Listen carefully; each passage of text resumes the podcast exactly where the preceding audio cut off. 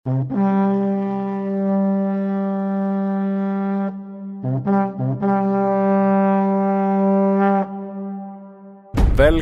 til Lolbua episode 238.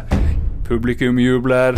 Det er nemlig Lolbua Awards 2018 del 1. Og de har solgt billetter i flere måneder, og salen er full. Vi er i Oslo Spektrum, og se så mye folk. Kan folk rope Metallica ut i publikum? Metallica! Ah, shit. Vi skal nemlig i gang med å kåre det vi har likt best i 2018. Både vi og lytterne. Eh, Vi skal ikke ta for oss spill i dag, men vi skal ta for oss veldig mye annet. Kulturelt og litt sånn random shit, deriblant ting som er spiselig. Med oss har vi fra Harstad oppe i Trondenes.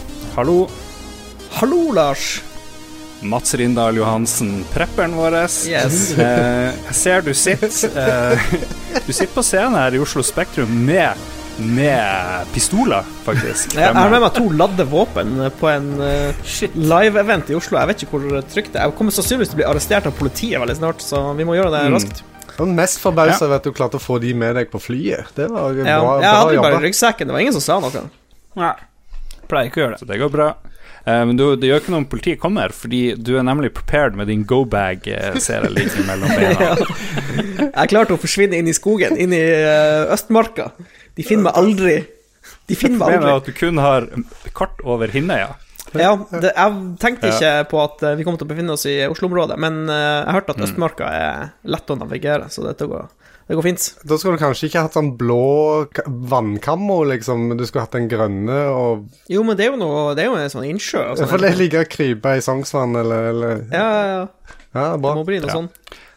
Eh, vi hører også eh, vår eh, fiffige og vakre paramedic. Ja. Eh, bor nedi Jeg vet ikke helt hvor du bor. Bor Nei, det er egentlig ingen som vet, men eh, det er jo nesten ingen som kjenner til Hurum og Buskerud, men jeg bor nå eh, plassert i Buskerud. Han am ambulerer rundt. Jeg ambulerer rundt, det er ingen som helt vet hvor og når jeg kommer, men når jeg først kommer, så er det med et smell, som de pleier å si. Kommer med et smell, ja. Ja. Og, eh, og hva du har med deg på scenen her i Oslo Spektrum? Jeg har med meg to ordentlig store eh, dildoer og et eh, vibratoregg som ligger bak i lomma. Hvorfor spurte jeg? Og så har vi eh, Og så tredjemann, eller uh, fjerdemann, uh, kalt ettersom. Kristian, hallo. Hei, hei. Er det fremdeles Hei, hei. hemmelig Er det fremdeles hemmelig der du jobber? Det er den onde, onde plassen du jobber? Det er i ledelsen i kondomeriet. Skal, Hva du- skal du spørre hva jeg har med meg? Ja. Jeg har med meg en eh, dorull med Trump på. For de som ser på Twitch, så ser det. Den, den, den skulle vært i min go-bag, jeg tenker Når shit hits the fan. Noen sier at du skal ha med deg eh, håndduk overalt, men eh, dorull med Trump Hvor, hvor, hvor, du, hvor man får tak i Trump-dorull? Eh, Du vet du hva, det vet jeg ikke. Når jeg kom hjem fra jobb i dag, så, så lå denne her i yttergangen, og så nevnte Nice. kona i en bisetning her i stad at så du dorullen jeg kjøpte deg? Ja, sa jeg. Og så, så tok jeg med meg inn på kontoret mitt. Så jeg vet ikke Han har sånn en trutmunn, så det heter en sånn en eh, Hva det heter duck, Duckface. Og for den, eh, den eh, oppmerksomme lytter vil høre at vår faste overprogramleder Jon Cato er borte. I stedet har dere med den eh, litt sånn upopulære erstatteren eh, Lars Rikard. Sitter og har begynt, allerede begynt å drikke tungt. Det, ikke være for hard på Um, deg selv, Lars. Det begynte med at Jon Cato begynte å ringe inn uh, siden deltakelsen og nå gidder han ikke være med engang. Men vi skal hale det her ut eh, en stund til, før vi går på uh, de her uh, awards-delen. Vi skal nemlig først snakke om hva, vi har, hva som har skjedd siden sist. Uh, trenger ikke være så langt, men vi må gjøre det. Og så skal vi gjennom hva vi har spilt i det siste. hvor vi ha en del uh, godsaker, og så eh, braker det løs med, med awards. Mats, hva du, hva du har gjort? Jeg ser du eh, Det du har gjort der, det har ikke noe med meg å gjøre, tydeligvis, i hvert fall. Nei, eh, ingen av vennene mine får julegaver. Det er bare familien som får det i år. Nei, jeg har vært eh, Jeg skal på jobb i morgen, så jeg blir borte på julaften. Så jeg har vært eh, hos foreldrene mine og levert masse julegaver til eh, slekt. Ai, Siden jeg ai, ikke får ai, gjort det Altså, jeg må gjøre det nå før jeg drar på jobb, basically. Og vennene dine, når får dem julegave? Jeg vet du hva, vi er, vi er for gamle for julegaver, tror jeg. Har vi blitt for gammel for julegave? Jeg er veldig, veldig uenig. Julenissen Julenissen kommer vel offshore, gjør han ikke det? Nei, jeg tror ikke, jeg tror ikke reinene klarer å lande på eh, helipaden. Det er for kort mm. Det er for kort plass. tror du ikke de okay. lander hvor som helst? Og så er det ikke noe pipe. Vi har ikke noe pipe. Hvis, da, hvis, hvis julenissen prøver å kaste eh, gavene inn sånn rør, så får han sikkert masse gass i trynet og dør. Jeg er sikker på at han Solid Snake kan ta på seg en, eh, et nissekostyme og infiltrere den der eh, Ja. Ekofiskkomplekset. ja. Det, ver det verste av alt er at der jeg jobber, ligner jævlig på Mother Base med sånn brue frem og tilbake og Oh. masse greier. Hvis du, hvis du har spilt eh, Metal Gear Solid Phantom Pain og vært på Mother Base, så er det arbeidsplassen min, basically. Kanskje det er modellert etter Ekofisk. Ja, kanskje. Ståle, Ja. hva skjer i ditt liv? Det skjer ikke sånn voldsomt mye i mitt liv, annet enn at jeg har uh, hatt uh, gleden av å få barnefri i, i helgen, og det betyr jo ganske mye, det. Var eh, en tur på Hadde fått en farsdagsgave, så jeg har vært en tur på Glatter og sett og hørt Johan Golden. Ja. Artig opplevelse. Nice. Ganske overraskende bra standup-show, faktisk. Med, Han er en morsom mann. ja, han er faktisk han er, ja, han, er, han er det sammen med folk, så alene så var jeg litt sånn spent, men han var faktisk ganske Og han tør å ta en del sånne risker på ikke bare si det som han tror publikum vil like, men han utfordra publikum på litt sånn synspunkter som kanskje er litt sånn upopulære, og, og fikk litt sånn respons på det, så det var ganske kult lagt opp med en veldig inkluderende del av med Inkluderte publikum veldig. Christian, eh, du har eh, Du har vært litt harry, ser jeg. Jeg har vært i Sverige og, og handla nok til å fylle opp hele kjøleskapet i Mancaven med korona og ramløse. Ja, hva er det med ramløse? Jeg skjønner korona, det liker jeg, men er ramløse eh, Ramløse er jo egentlig Det er jo Farris typ greie, Ja. bare på Det er en bris. Det er bris. Ja det, ja, det er litt mer smak. Er det brisen har den litt mer smak? Det er en ganske stor seksjon Singo der også. Ja, du så det? Ja. Ja. Da, da har, for de som lurer, så har det florert et, et bilde av kjøleskapet, og det er helt fullt. Men ja, jeg, jeg hadde jo med meg masse pant og sånt når jeg reiste ned, og så gikk jeg i automaten og, og casha inn det, og så gikk jeg og shoppa og styrte, og så gikk, jeg- gikk og betalte, og så kom jeg ut, og så var det faen her er pantlappen, jeg glemte å bruke den opp. Så gikk jeg inn igjen og kjøpte et brett med Singo i vilt sinne. Singo er jo bra. Ja. Er det eh, sitronbrusen? Eller Eller appelsin. appelsin? Jeg elsker den der Singoen og den der andre. Mm. Ja. Men er det et, er det en, et svensk produkt? For du får jo kjøpt det i Norge òg, liksom. Og Jeg tror det er et svensk produkt, ja. Det er en svensk eh, brus, ja.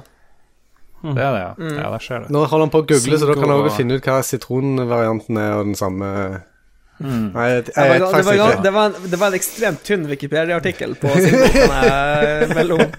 Én setning. I tillegg til den eh, svenske turen, så har jeg òg vært på julebord. Så Evil Core, som du kaller det, de har hatt julebord. Vi var på um, Mini Bottle eh, Museum, eller tror jeg det heter. Er det til han der Ja, Ringnes? stemmer. Oi, Så vi var der og ja. spiste Ja, eh, ja. Middag og koste oss i baren og sånt. Og det- var et litt spesielt sted når det kom til dekor og sånt. Det, var, det hadde passet midt i blinken for Ståle, for det er mye Oi. tits og penis og Ja. alt sånt. Um, for eksempel inne på toalett, herretoalettet så er det sånne sminkespeil eh, satt opp rundt pissoaret som du kan justere litt på, sånn at du kan se din egen penis forstørra Oi! mens, Men du, mens, mens du urinerer.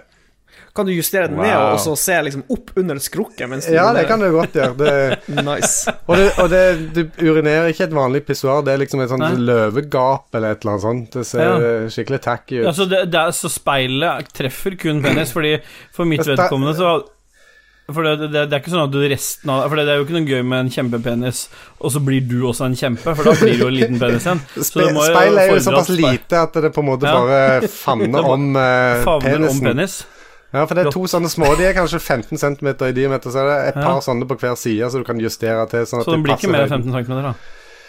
Mm, Ok, folkens. Uh, men det er han der Ringnes. Han er en skikkelig pervers Ja, eh, han, fyr. han er min my kind of guy, han Ringnes. Det var derfor jeg tenkte på deg, Ståle. Ikke på grunn av det forstørrelsesspeilet. Jeg har uh, ikke gjort så mye. Jeg har sett uh, The Game Awards, uh, så dessverre det var veldig kjedelig. Varte i år og dag. Eh, Hans Zimmer var sånn her gjest med Hey, no. det orkesteret. Det var litt kult. Eh, men det var sånn to sekunder. Og så drev de mest og posa, virka det her orkesteret. Men de delte ut 100 millioner tusen ja, awards.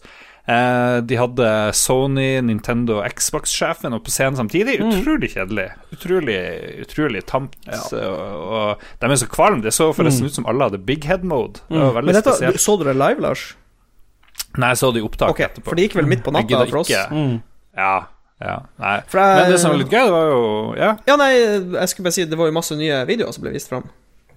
ja men var de så bra, de videoene? Jeg husker nesten ingen av dem. Du husker kanskje Men jeg, hadde, jeg, jeg så jeg dem har av og han jeg spolte posta gjennom noen på den Discord-kanalen vår. Eh, Mm. det, var, det var et par Jeg likte det, mm, det sci-fi-spillet fra Obsidian. Ja. Så interessant ut. Ja. Det, det syns jeg var sånn Fallout in space. Mm. Ja. ja, ja. Vi, jeg kunne vel minne litt om Borderlands òg, kanskje? Ja, litt sånn humor og sånn. Men det Mm, originale Fallout hadde jo en del humor. Eh, et norsk spill, eh, Combat eh, 2018, eller jeg husker ikke hva det heter, Combat et eller annet, vant beste studentspill. Skal eh, relanseres og bli, gitt ut på nytt. Tror jeg ene fyren var fra Tromsø, så kanskje han er en sånn gjest vi må prøve å få tak i. Det kan være litt gøy. Mm. Um, ellers så ble God of War beste spill på Game Awards. Ja. Et litt stort sjokk for noen. Eh, Jeg syns det hørtes helt greit ut eh, for meg. Jeg vet ikke eh, Altså du har jo, Jeg har jo ikke spilt God of War, så jeg kan jo egentlig ikke si noe som helst. Men jeg syns Mm. Red Dead er beast, beast mode av et uh, spill. Så Ja, ja. Det var vel det de fleste trodde skulle vinne hele greia. Tror dere ikke det? Jo, Mm, ja, altså, det var jo storeslem, så han Jon Cato calla jo at uh, God of War kom til å vinne. For de skulle uh, liksom ja, gi det til underdogen, på en måte. Så langt så hadde jeg vel God of War og eh, Celeste som mine favoritter der i Game of the Year. Og jeg lurer på om Celeste fikk en eller annen pris. Eh, Dead Cells fikk òg en eller annen pris. Det var de to indie-spillene som vant. eh, Yes. Ja, det er kult. Så når vi, eh, når vi neste uke eller uka etter der skal gå gjennom årets beste spill, så kommer vi sikkert til å nevne de mer. Men nå har vi snakka nok om gammel drit. Vi tar en kjapp pause, og så skal vi snakke om hva vi har spilt i det siste. Og der har Mats Han skal vise frem sin Oi. skrøk. Yes!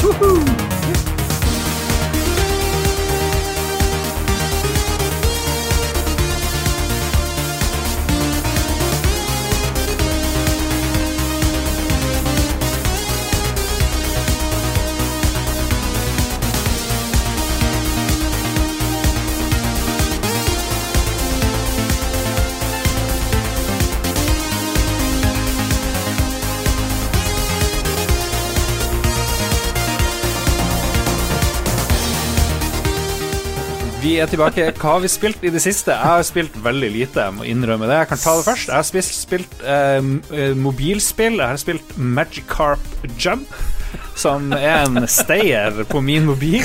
Men etter å, etter å ha hata det der free to play-Pokémon-spillet, så har jeg funnet ut at jeg skal faen meg runde, runde Pokémon Jump uten å bruke penger, og det tar jævlig mye tid. og så er det sånn timere, sånn, så du kan gå inn, holde på i fem minutter, og så gå ut igjen i fire timer, og så, hvis du gidder, gå inn igjen og trykke litt og, og level opp din Magikarp osv. Eh, har det gøy med å lage navn, for du får lage navn til din Magikarp, og det er sånn filter, og du kan ikke kalle han fisetryne og sånn der, det går ikke, du må kalle den et eller annet sånn derre Mr. Mr. Blackface, jeg tror det gikk. Hvis du bytter ut bokstaver med tall, vet du, så eh, godtar du det. Fordi på um, Horizon så, så så måtte jeg gjøre noe sånt nå for å skrive på skiltene. Så bare bytter ut Ah. de bokstavene med de tilsvarende i tall. Så går det. Hvorfor, ga- hvorfor gadd du skrive det? Det er, jo, det er jo kjedelig med personlige skilt og sånn. Nei, men ikke det jeg skrev. Callback til uh, Ruffelbua som enda er still unpublished. Ok, Uh, Hvem har lyst til å fortelle om sine spill? eh, vi sparer han Mats til slutt, for jeg føler han er Mats og Ståle til slutt. Eh, Christian, du, du er next. Jeg er next. Ja. uh, eh, jeg har faktisk spilt litt uh, Dette er en Gumgun-spillet til Stian Renvik. ja. Han var så hyggelig og delte ut koder på Discord, og eh, jeg var raskt inne og, og sikra meg det. Snapp opp. Um, Skal ikke mer til for å bli nevnt her og bare gi oss noen gratis, gratis. shit. Bestikkelser fungerer absolutt. Eh, Veldig artig spill. Det er sånn uh, med skyting av uh, ja, det, det ligger jo i navnet Gumgun. Det er vel noe sånn tyggis bob bobler eller noe sånt du skal kne ta knekken på. Så du fyrer på og får sånn power-ups og øker våpenet ditt og Det er Ja, artige greier. Veldig smooth. Ja. Veldig smooth eh, spill, for du styrer skipet ditt med fingeren, Ja. og så skyter og skyter og skyter. Og så Du har liksom ikke kontroll så mye over power-ups, eh, som Nei, jeg se kunne de se. kommer og går liksom uh, litt. Grann. Det er vel kanskje når du blir truffet av et eller annet, så mister du noe, og så er det litt sånn fram og tilbake. Men det minner litt om Um, Sånne power-ups sånn, og sånt minner om sånne gamle eh, shooters på Amiga-tid og sånt. Hva heter det? Hybrid og Ja, bare, ja, for du ser dem topp, Ja. Det er jo sånn 1942, og Ja. det er liksom den der eh, klassiske der, da. Skal vi eh, Jeg syns det var gøy. Jeg spilte ganske lenge. Eh, jeg skulle gjerne Jeg, jeg trenger noe liksom, det, det er ikke nok med high score for meg. Jeg må ha, jeg må ha sånn som i, eh, i Magic Carp Jump. Jeg må ha noe stadig. Jeg må kunne levele opp. Jeg må Ja. savner levels, liksom, eller et eller annet, Ja. liksom, som bare lurer meg til å fortsette. En sånn gull, gulrot som dingler litt. Uh, En gulrot. Dessverre, jeg er blitt så kjip at jeg vil at det skal være sånn free to play-mekanikk i mine mobilspill. Ja. Så, Ja, nei, det er artig. Og så har jeg spilt litt eh, Red Dead, men eh, ikke så veldig mye. Jeg har fremdeles holdt på og gjort diverse ting i mancaven, så det at, eh, der fokusen har ligget på, på andre ting enn spilling. Dessverre er det litt sånn. Men uh, Gumgun uh, Aner ikke hva det koster. Vi fikk det gratis. Anbefaler det sterkt hvis du får det gratis. Og sikkert Enda, mer sterkt. enda sterkere hvis du betaler for det, vil jeg påstå. Jeg tror det koster 44 eller noe sånt. Da går vi for Ståle. Ja. Ståle, Yes. ser du har uh, Du- spilt en del nye ting. Du, jeg har gjort det. Eh, det passa jo egentlig veldig godt. Jeg, jeg begynte med Super Smash. Det kjøpte jeg egentlig til min sønn. eh, for at vi skulle spille litt sammen. Det endte med at jeg, han ikke har fått spille noe. Eh, såpass at han bare gikk ut og akte isteden. Og sånn sett så jeg jo appellert den til å være litt ute i friluft. Men han, til slutt så ble han så sur at han forsvant ut døra. Og derpå jeg spurte kona hvor han blei av, så sier hun at han gikk ut for å ake. Og det er vel resultatet av et ganske kult spill. Den story-moden i i Super Smash er ganske addictive. Den er litt sånn, eh, sånn Dark Souls-prega i vanskelighetsgrad, så jeg har Det er lenge siden jeg har vært så nær å knuse noe. Eh, Det er noen boss Fordi det, det de har gjort i den story-moden her, er at i tillegg til å ha den muligheten at du kan velge fightere, så starter du med syv. Du har bare tilgang på i vanlig, Hvis du skal spille mot noen, så har du bare tilgang på syv av noen og 70 fightere fra starten.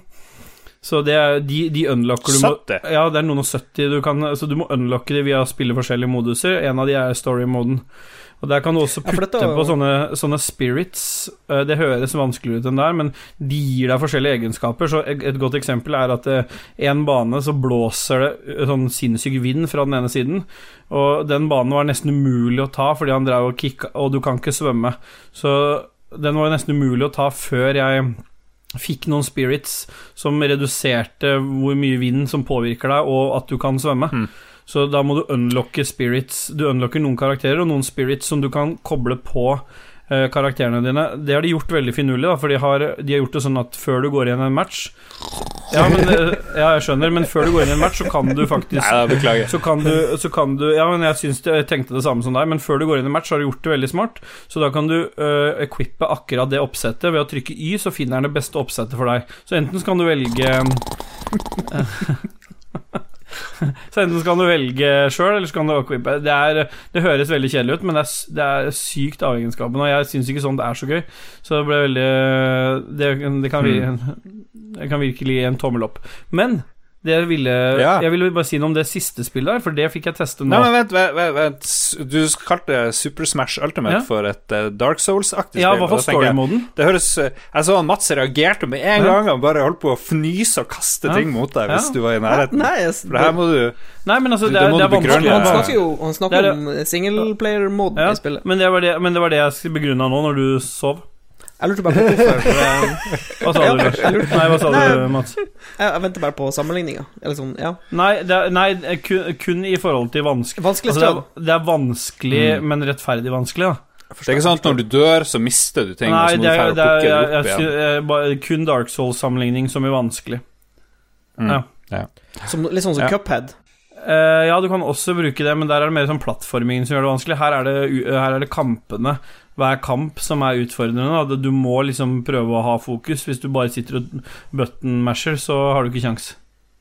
Men vi kan ikke, vi kan ikke gi Nei. slipp på Super Smash Ultimate ennå, for det er jo noen kids, og det, det er et nytt segment Mm. av lyttere for oss hvis vi snakker om det å drikke øl samtidig, Ja, uh, føler jeg. Og, det kan vi.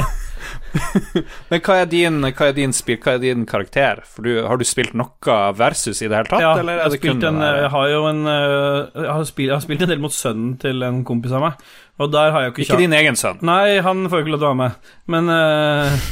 men mot han så har jeg ikke kjangs. Men det, for det er noe online-del som jeg ikke har testa. Men det som har vært av story der, har liksom vært vanlig Jeg spilte den um, Smash til Wii U, men der var alt unlocka fra starten av, så godt som alt, i hvert fall. Så da var det liksom ikke så givende å begynne på Da var det kun selve fighting-delen. Mm. Mens her er det den der story-delen som gjør at du kan unlocke noe. Det gir jo på en måte en form for en ganske god progresjon. da Som du, du kan ikke fighte med de alle karakterene spillet har å tilby, uten å gjøre noe av dette.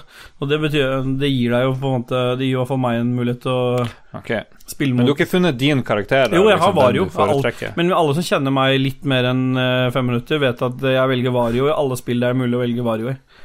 Jeg hører rykter om at han Valuigi ikke er med i Han er ikke med, det er ikke så farlig for meg så lenge Vario er med, for han kjører motorsykkel og crusher alt, så det er ganske awesome. Som, Og så er det jo ganske sånn Det er ganske Altså, det elitesamfunnet i Smash ja, er ganske det er det. lite. Så derfor har jeg ikke begynt begitt meg ut på noen online-del ennå. For jeg regner med Jeg ser for meg det er veldig, sku, veldig vanskelig å komme seg inn i det. Tenk hvis du er liksom ny, Ja. du, du har aldri spilt Smash før, Nei. og så kjøper du dette, og så skal du sette deg ned og spille online, og så møter du en sånn skikkelig hårete, svett fyr som har spilt 20 000 timer. Ja, jeg tror at, jeg tror at da, kommer du, jeg, tror, jeg tror da kommer du til å hate spillet, men det er det som gjør at jeg kan anbefale det, er den story-delen. fordi det er, det er omtrent Det er eh, hva, hvor mye jeg har spilt nå, kanskje ti timer eller noe, nå, og det er ikke nære Jeg har unlocka syv karakterer av 70. Ja, så, ba, Så den det er nesten verdt det bare for story mode. Bare for storyen så er det Det er, det er, Det er så bra. på- ja. Så det jeg kan Ja. anbefale basert på storyen, for det er, eh, hvis du ikke er svettis og kan spille online, så kan du i hvert fall spille. Pluss jeg, jeg regner med det er noe matchmaking og sånn. Det Ja, det er, det er nok noe der også, og så kan du spille lokalt òg, da. Ingenting som er så gøy å knuse en syvåring, liksom. ja. Som ikke kan spille. Ok, jeg håper at alle under 13 år fikk det de ønska av Lolba der, med Super Smash. 13-åringene du har. Nei, men terningkast eh, fem, vil jeg si. Oi, oi, oi, oi. Veldig bra. Ok, da, da, har jeg, da føler jeg vi har bygd opp Mats her. Nei, men Kan jeg få lov til å bare nevne det siste spillet? Ja, det var det. det en- Unnskyld. Det er en, ja, ja, det var derfor jeg ikke hadde lyst til å bruke så mye tid på uh, Super Smash, egentlig. For Strange Brigade Det har jeg sittet og spilt Mm. nå helt fram til tre minutter før sending. Uh, det er et spill som kom ut i august, som er et sånt uh, tredjepersons skytespill. Fra de som har lagd Sniper Elite. Så det høres i utgangspunktet Oh. Ikke så veldig fresht ut. Det er, de er vel sånn passe bra, de spillene her. Men dette er et sånt fireplayer eh, Eller inntil fire spillere, da. Med, eh, eh, som sagt, en sånn tredjepersons men, skytespill, men det er også en del puzzles, og det er veldig sånn finurlig lagt opp. Vi satt nå fire stykker og spilte fram til nå i stad, som sagt, og det var Det var det har gått helt under radaren for alle, så hvis du har mulighet til å plukke opp det Det er tilgjengelig i både Xbox og uh, GamePass, uh, og det er, det er sånn uh, Det er vel satt til 1930-tallet omtrent, sånn eh, eh, Det er litt sånn fantasy-prega, for du har en del sånne eh, Du har en del eh, Du har en del sånne abilities og sånn du kan eh, Du kan knytte til karakteren. Men eh, måten det fungerer på, man må dele lutet man finner i kister, og man oppgraderer våpen osv. med penger man finner. Og så er det liksom eh, satt i Egypt, gamle, eh, sånn, nesten sånn Indiana Jones-prega, med fire forskjellige karakterer, to damer og to menn. Er det litt sånn Left for Dead-aktig. Eh, nå kan jeg ikke sammenligne med det, for jeg har ikke spilt noe Left 4 Dead. Fire player coop eh, mot monster og Ja, det er, det, er, det er mye monsterslakting her, men det er veldig mye puzzles her. Sånn ok. eh, der du må finne alt fra finne hemmeligheter til å, å komme videre ved å liksom skyte på ting som gjør at du åpner bruer og så videre. Altså, du må løse en del sånne ganske finurlige puzzles. Så det var ja. Det lille jeg har prøvd fram til nå, er eh, overraskende og rart at ikke man har hørt mer om det spillet, så jeg hadde lyst til å gi en liten shout-out faktisk til det spillet der. Var det Så- var på GamePass? Det er gratis på, eller inkludert i GamePass og på PC og PlayStation 4. Så Er det det nye Sea of Thieves? det er det ikke, fordi Sea of Thieves er, eh, er mitt go to game. Mitt, eh, men Er det, eh, vet, vet du om det er crossplay? Nei, det vet jeg ikke. Men det, er, eh, det, er- det anbefales veldig. Altså, det var, eh, det var utrolig sånn Brigade. Skal ta en titt? Plukke opp og veldig sånn Og så blir det litt, blir det litt fighting, da, fordi du har fire stykker som, som må dele potensiell lut i kistene. Så hvis førstemann som åpner kista, han får det som er inn. Ja. Så det kan bli det er litt kjipt. Ja, det er, litt sånn- kjipt, men det er kult. kan fort på bli bitter stemning. Ja, det var det jeg, ne- akkurat det, det jeg nevnte i stad, ja. Så det må være avhengig av at man Ja. liker hverandre såpass at man deler broderlig. Mm. Man, man, man eh, åpner ikke for, eh, for eh, random spillere der, for å si det sånn. Tror jeg. Ja, veldig bra. Spennende. Nå fikk jeg lyst til Jeg å lyst til å prøve det, det absolutt. Og Ja, sleng dere med, så skal jeg vise. Det var veldig kult, altså. Ståle har jo klart å overtale meg til å kjøpe GamePass. Og det førte jo til at Ja. jeg kjøpte det til to Xboxer, sånn at jeg har det på alle fire. Og bare så, bare så det er nevnt, Ashen, som er det nye eksklusive Xbox-spillet, er også tilgjengelig på GamePass. For de som har det. GamePass.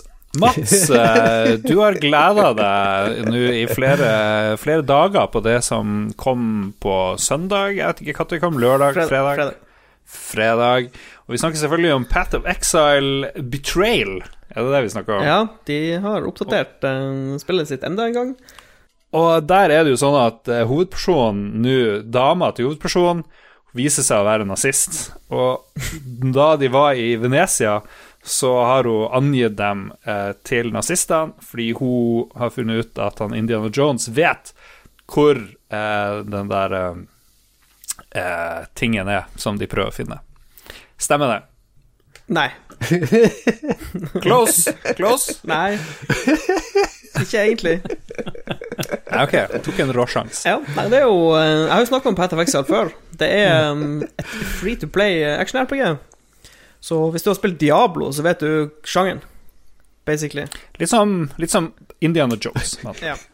Hvis det Indiana Jones var, uh, hadde masse demoner, og du springer rundt og går opp i levels og får masse forskjellige våpen og Ja. Mm. Det er veldig lite pisk i spillet.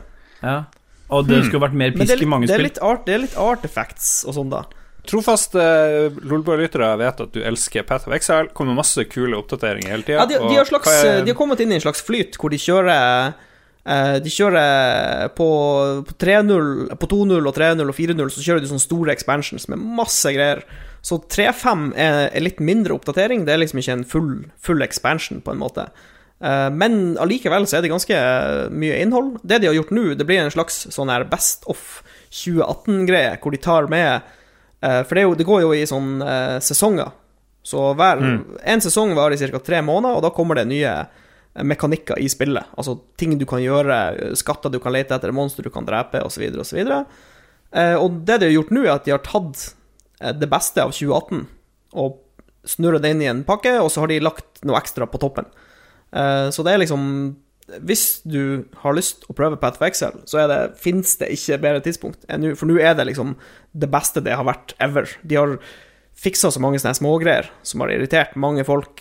Sånn, sånn, det som de kaller quality of life-forandringer. Så det er liksom eh, ja. Går du tilbake til Diablo for å se er det fremdeles Hvor mye bedre? Er det Altså, dårligere? Exile nå er så lysår foran Diablo at Blizzard Hvis de skal prøve liksom å, å lage et action-RPG som er Altså, de kan ikke lage et Jeg tror ikke det. Det går an å lage et teknisk bedre action-RPG enn det Path of Exile er nå. Men som sagt, det som, er, det som er så fint med of Exile, er at det er ikke for alle.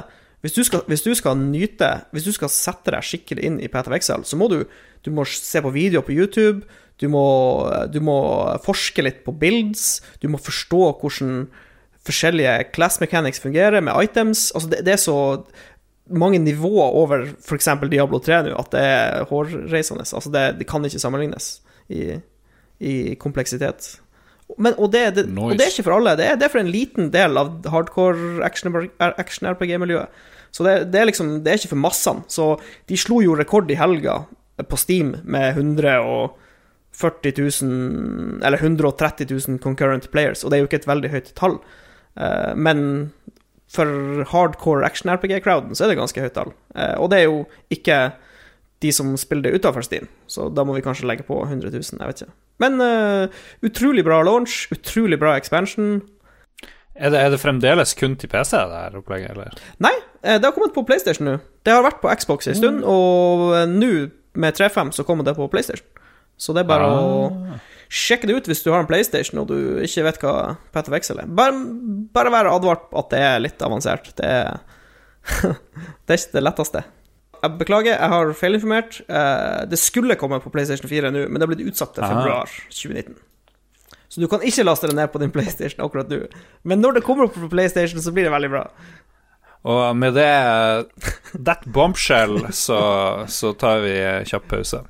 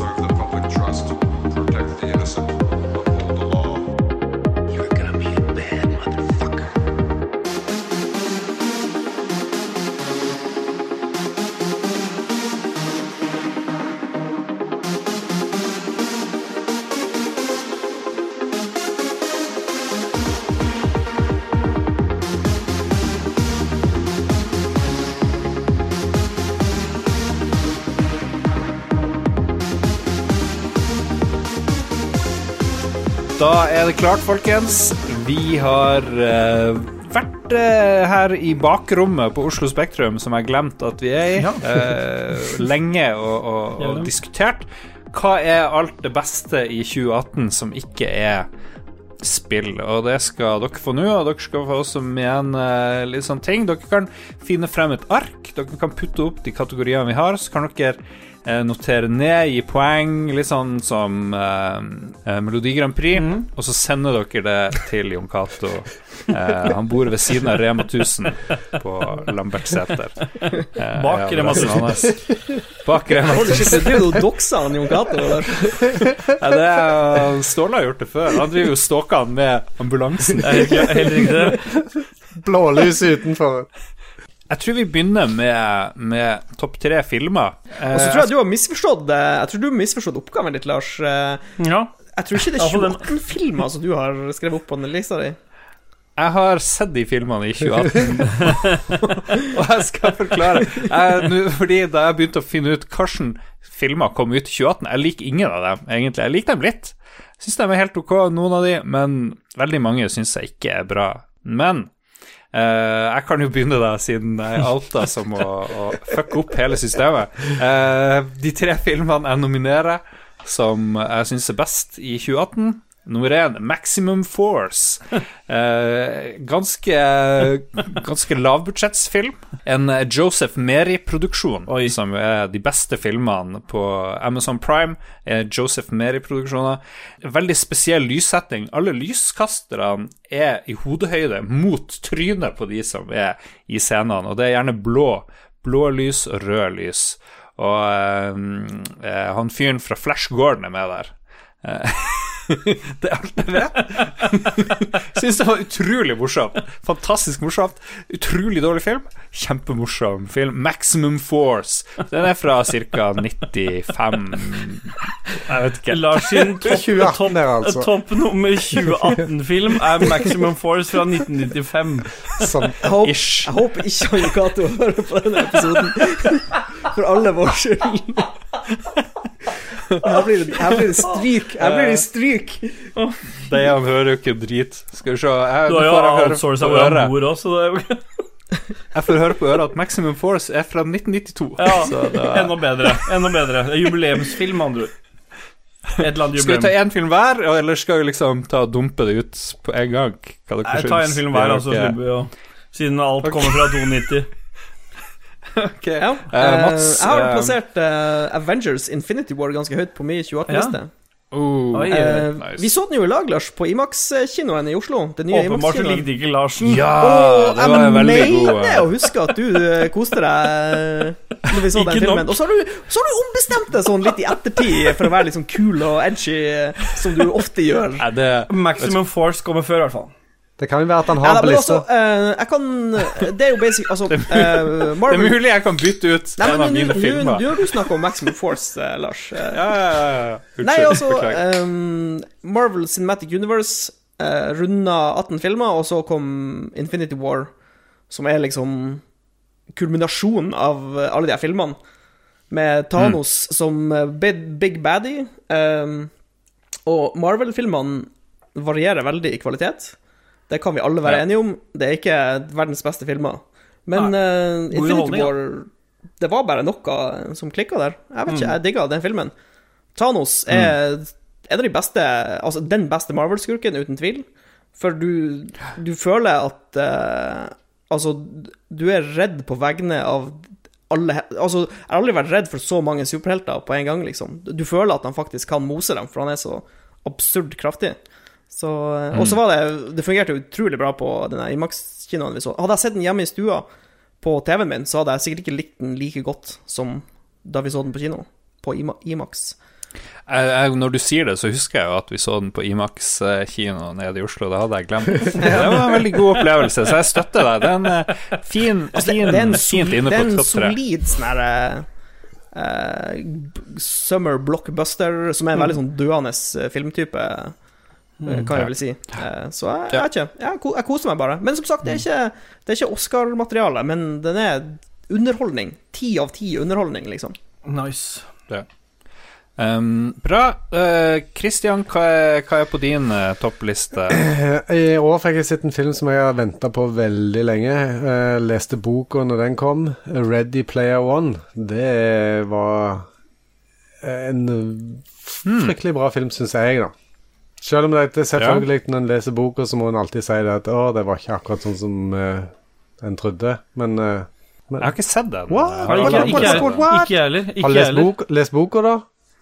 Lest boka. Jeg likte Ja. boka godt. Lars har vel lest boka to ganger, faktisk. Og Jeg har ikke lest boka. Mm, Eller du har- Nei, du har- jeg leste oppfølgeren. Og, Ja, okay. ja, den uh, Andromeda-greia. ja, den var shit. Ja, jeg, jeg kjøpte den boka, og så sa du den var shit, så da satte jeg den bare i hylla. Jeg likte, jeg likte faktisk filmen veldig godt, jeg også. Eh, jeg syns det var en bra filmversjon av den boka, da. Altså, når man leser den boka, så tenker man jo dette burde jo vært en film. Ja, ikke sant? Men tror dere den er bedre enn Maximum Force? fra 1992? Trolig ikke. Jeg sier nei. Sannsynligvis ikke. Ja, ja. Ok, Men uh, eh, en grunn til at jeg ikke har sett Ready Player One, er jo fordi han Spilberg har regissert den. Jeg tenker at han Spilberg, han er over the hill. Han er liksom utgått. Han er Spilberg, ass. Men eh, kanskje, kanskje jeg tar feil. Litt sånn som Steven Vi kan se den i lag, eh, Lars, via chat. Det har jeg hørt at det er ganske hyggelig. At man starter opp en chat, og så ser man en film. Ok, Ja. vi skal gjøre det. Men først må vi bli ferdig med denne topplista. Dette kommer til å vare i tre år. Ja, dette blir en ekstremt lang sending. Her blir det klipping. Ja. Sånn som dette. Dette kommer han Lars til å klippe bort.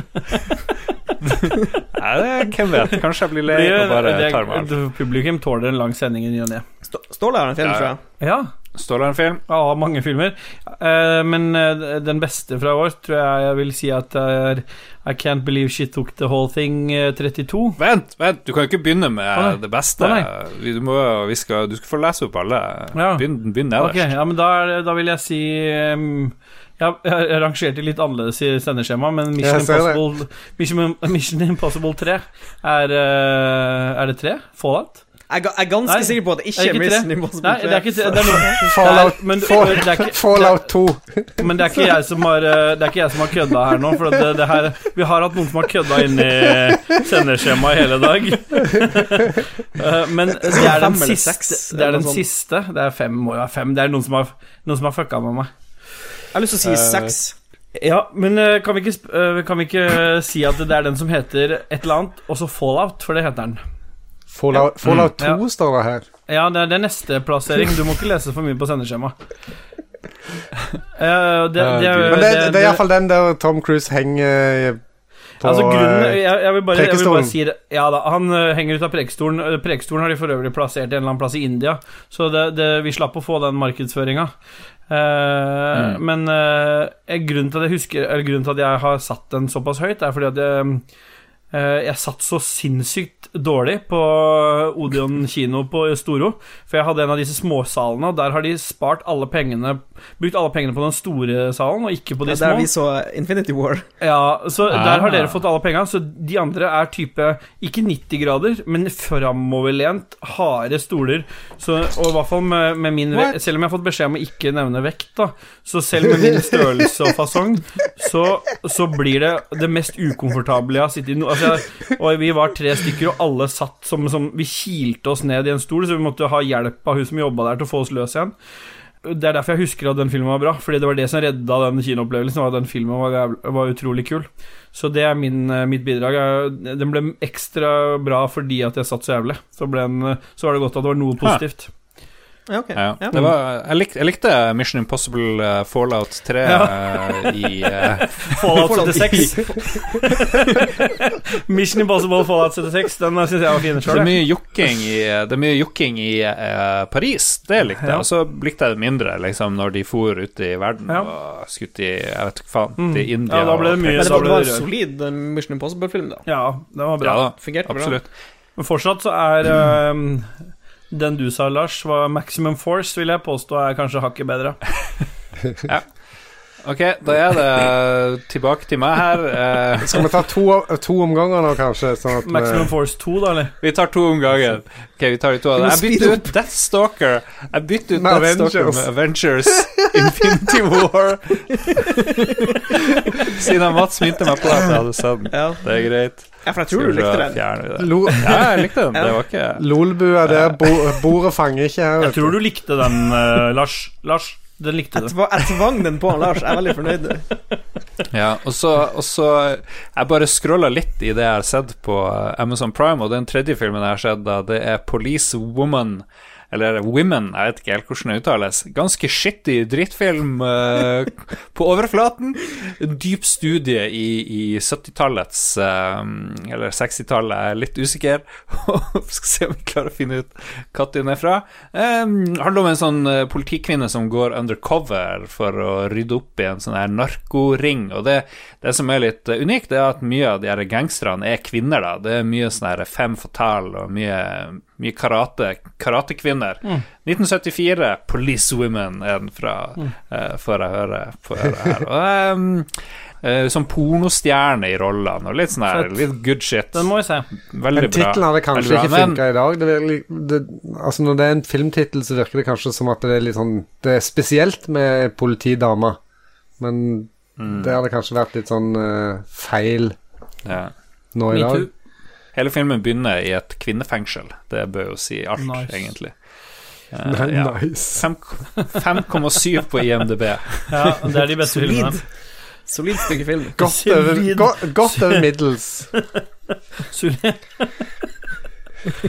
Eh, Mats, dine to siste filmer. Ja, jeg har um, Policewoman og Jeg har veldig sånn eh, rom, romtema, ser jeg nå, på alle tre filmene mine. Ja. Uh, jeg har eh, First Man, eh, filmen om livet til Neil Armstrong, eh, og Veldig bra film. Jeg bytter den ut med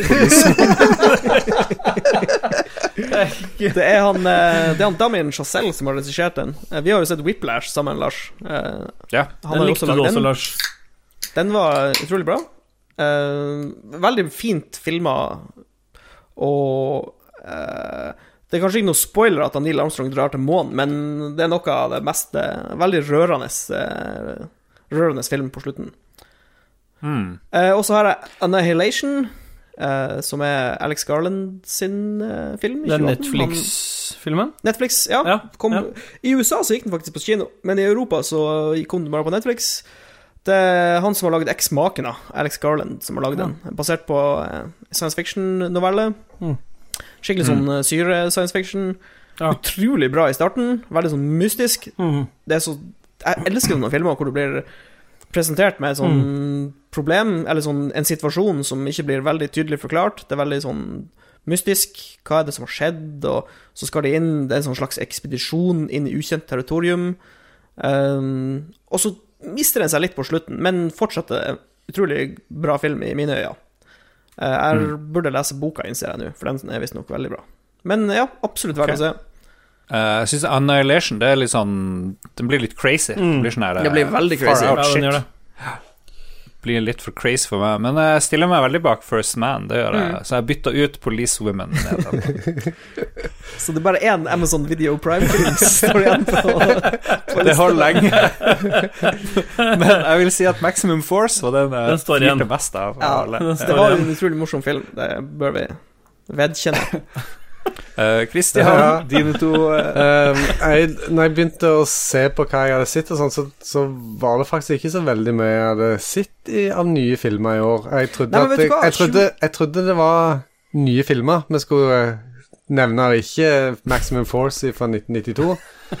Ja, men jeg gjorde det samme. Jeg, så, jeg gikk gjennom filmene mine i 2018, og det var, jeg har sett veldig lite filmer i 2018. Det var liksom vært TV-serieåret, uten Ja, tvil. Så, og i og med at det var TV, eh, det TV-serier det veldig ofte går i, så eh, har jeg eh, vært fan i mange år av eh, Workaholics, den serien der. Så når de gutta i, som spiller den serien gjør noe annet, så vil jeg gjerne se hva det er. Og da så jeg Game Over Man. Som eh, er en film med alle de tre gutta som òg er i Workaholics. Så det er Takk samme sånn, det er sånn skikkelig dick-humor. Oi. Og Ja, eh, full, fro full frontal nudity uh, av Just noen av de. du har sett mine filmer, du. Ja, jeg har det. Ja. Og uh, sprang fra Game Over men var ikke så veldig lang da til en film som uh, Blake Anderson fra Workaholics òg er med i, The Package, som òg er en dick-film. En kar som er på på telttur, og så klarer han å skjære av seg dikken sin, og så Oi. eh, Resten av filmen er liksom å få den sydd på, da, kan du si. Det er masse ståhei. Han sender den i en pakke. The package. Ja, det er The Package. Så det, det, det, den blir sydd på feil person. Og Det tror jeg er en, eh, en SNL-sketsj, faktisk. Det kan Ja. godt være. At det opprinnelig var det. Ja. Hmm. A box. Men det, det er liksom uh, Begge Game Over Man og The Package tror jeg begge to var Netflix. Ja, Game Ja, Over. Man er på Netflix. Ja. Vet Du hva, du minte meg faktisk på at jeg burde se den, for jeg er stor Workaholics-fan sjøl. Eller, Ja. jeg er stor fan av de første sesongene av Workaholics, og så Ja. blir det litt sånn her eh, Når jeg, var i, når jeg var i USA sist, så kjørte jeg faktisk innom det huset der de oh, bor. Nice. Nei, men det var mine filmer. Ingen fra 1992, dessverre, men uh... Men dette Du er, kunne, dette er, sånn, du kunne hatt noen fra rølpefilm. 92 hvis du hadde visst forutsetningene for oppgaven. Ikke sant? De, de to Game Over Man og The Package Det er sånne rølpefilmer. Det er ikke noe eh, Oscar-material, men det er artig hvis du liker den typen humor. Bra. Da skal Ståle Ja, nærmest avrunde det her. Ja. Ehm, jeg har to filmer igjen. Jeg har sett flere i år, faktisk. Jeg fant at jeg har vært veldig mye på kino i år, men jeg har sett lite filmer allikevel. Men nesten alle filmene jeg har sett fra i år, har jeg sett på kino, og det er eh, den ene er A Quiet Place. Hvordan skal vi definere denne filmen, Mats? Du som er flinkere enn meg med ordforråd. Har du sett den? Vet du hva, jeg har ikke sett A Quiet Place, men Nei. jeg har veldig lyst til å se den. Men, det er, jeg... men det er, altså, den filmen er jeg veldig glad for at jeg så på kino, for det er en sånn det er lite, lite dialog, kan jeg vel si. Hva sa du? Det er veldig lite dialog i filmen, Ja, kan vi si. Veldig lite dialog, og det er jo fordi at det er en sånn eh, Ja, skal jeg si noe sci-fi-thriller, kan jeg kanskje definere den som. Men, men den nerven du får av å se den på kino, eller hvis du skal se den, så anbefaler jeg at du demper belysning, og du blir sittende og ikke, nesten Jeg har holdt pusten flere ganger. Så den er Mm. veldig Det er utrolig bra sånn eh, både filming og lyd i den filmen. Det som er av musikk og lyd og sånn, det er veldig bra. Han gjør en veldig god figur, han fra um, The Office. Krasinski. han? Ja. fra The Office. Ja, han gjør en veldig god figur der. Så den filmen er blitt veldig glad. Jeg tror jeg vil plassere den på topp i år. Og så på min andreplass da vil jeg si er uh, solofilmen. Og jeg har en tendens til å få litt kjeft for valget av filmer, for jeg har uh, jeg liker jo den uh, Jeg liker Star Wars 1-3, og jeg syns Indiana Jones nummer 4 er en av de beste Indiana Jones-filmene, noe jeg har blitt hata for av enkelte Du må ikke Herre må ikke- Jesus Du Kristus. må ikke men, begynne å eh, snakke så- om Indiana Jones, nå blir han Lars helt vill. Ja, men den filmen syns jeg var dritkul. Jeg liker han Åh, hva Vent heter han? Crystal Skull med Ja. han, eh, Med han, uh, han Shia, Shia LaBeouf. Ja! Shia Og jeg elsker Shia LaBeouf. Han er en av mine, favor han er en av mine favorittskuespillere, så nå blir jeg sikkert hata enda mer, men jeg elsker den fyren. Så, så, eh, så altså, de, fil de filmene er veldig bra. Men uh, sett det til side, så syns jeg solo uh, Star Wars Story Den um, syns jeg var veldig kul. Overraskende. Den så jeg på kino med kona, som også syns den var veldig bra. Så vi Ja, jeg ble faktisk positivt overraska. Den hadde blitt hypa litt. Filmen. Jeg tror den hadde blitt dratt litt ned i forkant, så den um, Problemet med den filmen var at den kom altfor kort etter The Last Jedi. Ja, Disney driver og pusher filmer hvert år. Og så det kom den jo akkurat samtidig som Infinity War, så Ja. den var jo den var Den drukna litt, den filmen og pl pluss en del negativ omtale i forkant, der, det liksom, Mm. der Disney hadde nesten åpenbart sagt at de hadde mista litt trua på akkurat den Ja, de måtte jo, de, Ja. det kom jo inn en ny regissør på slutten. ja, ja, så det hjalp jo ikke. Men jeg, og ut ifra det, med det utgangspunktet, syns jeg den var veldig bra. Ja. Mm. Ok, eh, til slutt skal, har vi bedt eh, Eller Jon Cato har eh, pressa inn sine meninger. Vi kan lese dem opp. Eh, Jon Cato på nummer tre har han Annihilation. Mm. Eh, ja vel. Nummer to, Thelma, er en sånn dårlig drittfilm fra Norge. Er ikke så dårlig, men er ikke så veldig Det bra. høres ut som Jon Cato. Nummer én, Eh. nummer én er faktisk Maximum Force. Det syns jeg var var Overraskende valg Jon Cato her. Ståle holdt på å brekke seg her i uh, drikken. Nei, på nummer én så har han Brawl on Cellblock 99, som er uh, en film fra den der fyren som lagde Bones og Bone Tomahawk. Hva faen heter den da? Bone Tomahawk heter den. Mhm. Veldig eh, koselig, koselig film. Det, det, vises, det ser vel ut som han har sett veldig lite film i 2018. Da, Ja, Brawl. Brawl er jo ikke en 2018-film. Nei, det er tydeligvis de som har vært i Lulubø lengst, de har fulgt oppgaven dårligst. Jo, men helt seriøst, 2018 var TV-serieåret mitt.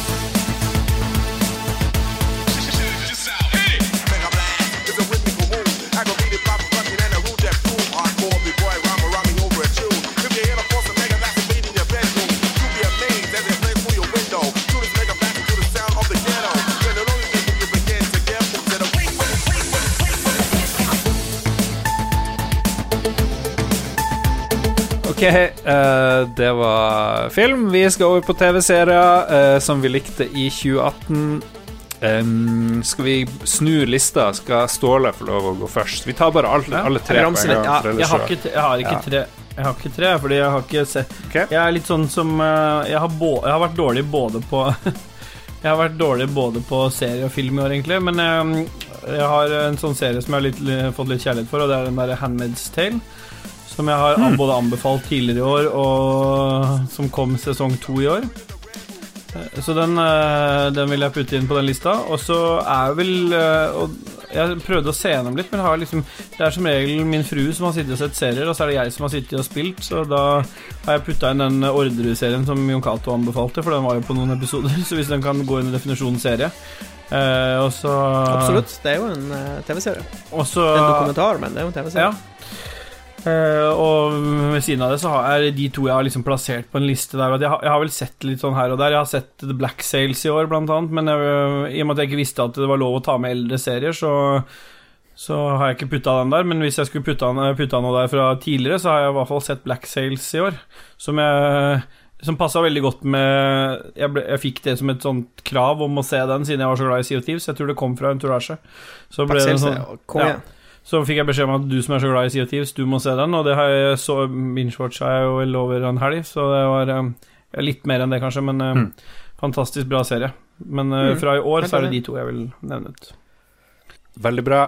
Eh, Christian, Mm, hva har du sett? eh, Jeg har òg Ordre-serien eh, på min liste. Det var, var faktisk eh, Ståle minte meg litt på den. Eh, eh, ellers som jeg, så er jeg like barnslig som jeg har vært tidligere. Jeg har nevnt Paradise PD, sånn uh, u, ja. politisk ukorrekt eh, serie på Netflix. Men så har jeg òg begynt å se en serie som heter Big Mouth, som er en animasjonsserie eh, om eh, et par unge gutter som uh, kom i puberteten, og alle utfordringene de har i Faen, så mye det. gris du ser på. Hysterisk morsom. Det er masse sånn ikke, Eller ikke masse, men det er mange kjendiser som er med og både spiller seg sjøl og spiller andre, og um, Nei, det er Hvor, du, hvor du ser det Dette her, er eh, Paradise, PD og Big og Mouth. Big Mouth er begge på Netflix. Ok. Og begge er animert. Yes. eh, kan vi jo si. Klassisk. Eh, Big Mouth er lagd av annet Nick Kroll, som er en eh, sånn en eh, kjent uh, voiceover-kar og standup-kar. Ja, voice actor, ja. Mm. Så han har typ sånn 25 karakterer eller noe sånt. Og ganske forstyrra person generelt, men han er konge. Nick Kroll er magisk person. Det er jo de beste folka, da. Ja. Ref meg. Det er helt uh, superbisarr humor, men jeg, jeg digger sånne ting. Så jeg, sitter, jeg kan sitte og le av sånt uh, juvenile shit som det. Uh, Mats, Ja. uh, du har den lengste lista her. Ja, jeg tenkte jeg skulle gi TV-serier. sånne honorable mentions til runners up. Ja, gjør det. Gjør Men det. Gjør det. basically 2018 Jeg gikk gjennom Netflix viewing activity 2018, også litt på HBO. Og jeg har sett veldig mye greier. I 2018 var konklusjonen. Så vi kan ta runners up. uh, Sharp Objects, uh, Dark første sesongen, Black Mirror sesong fire, The Vietnam War, uh, Ken Burns sin dokumentarserie, Better Call Saul Mm. sesong fire, og Bodyguard.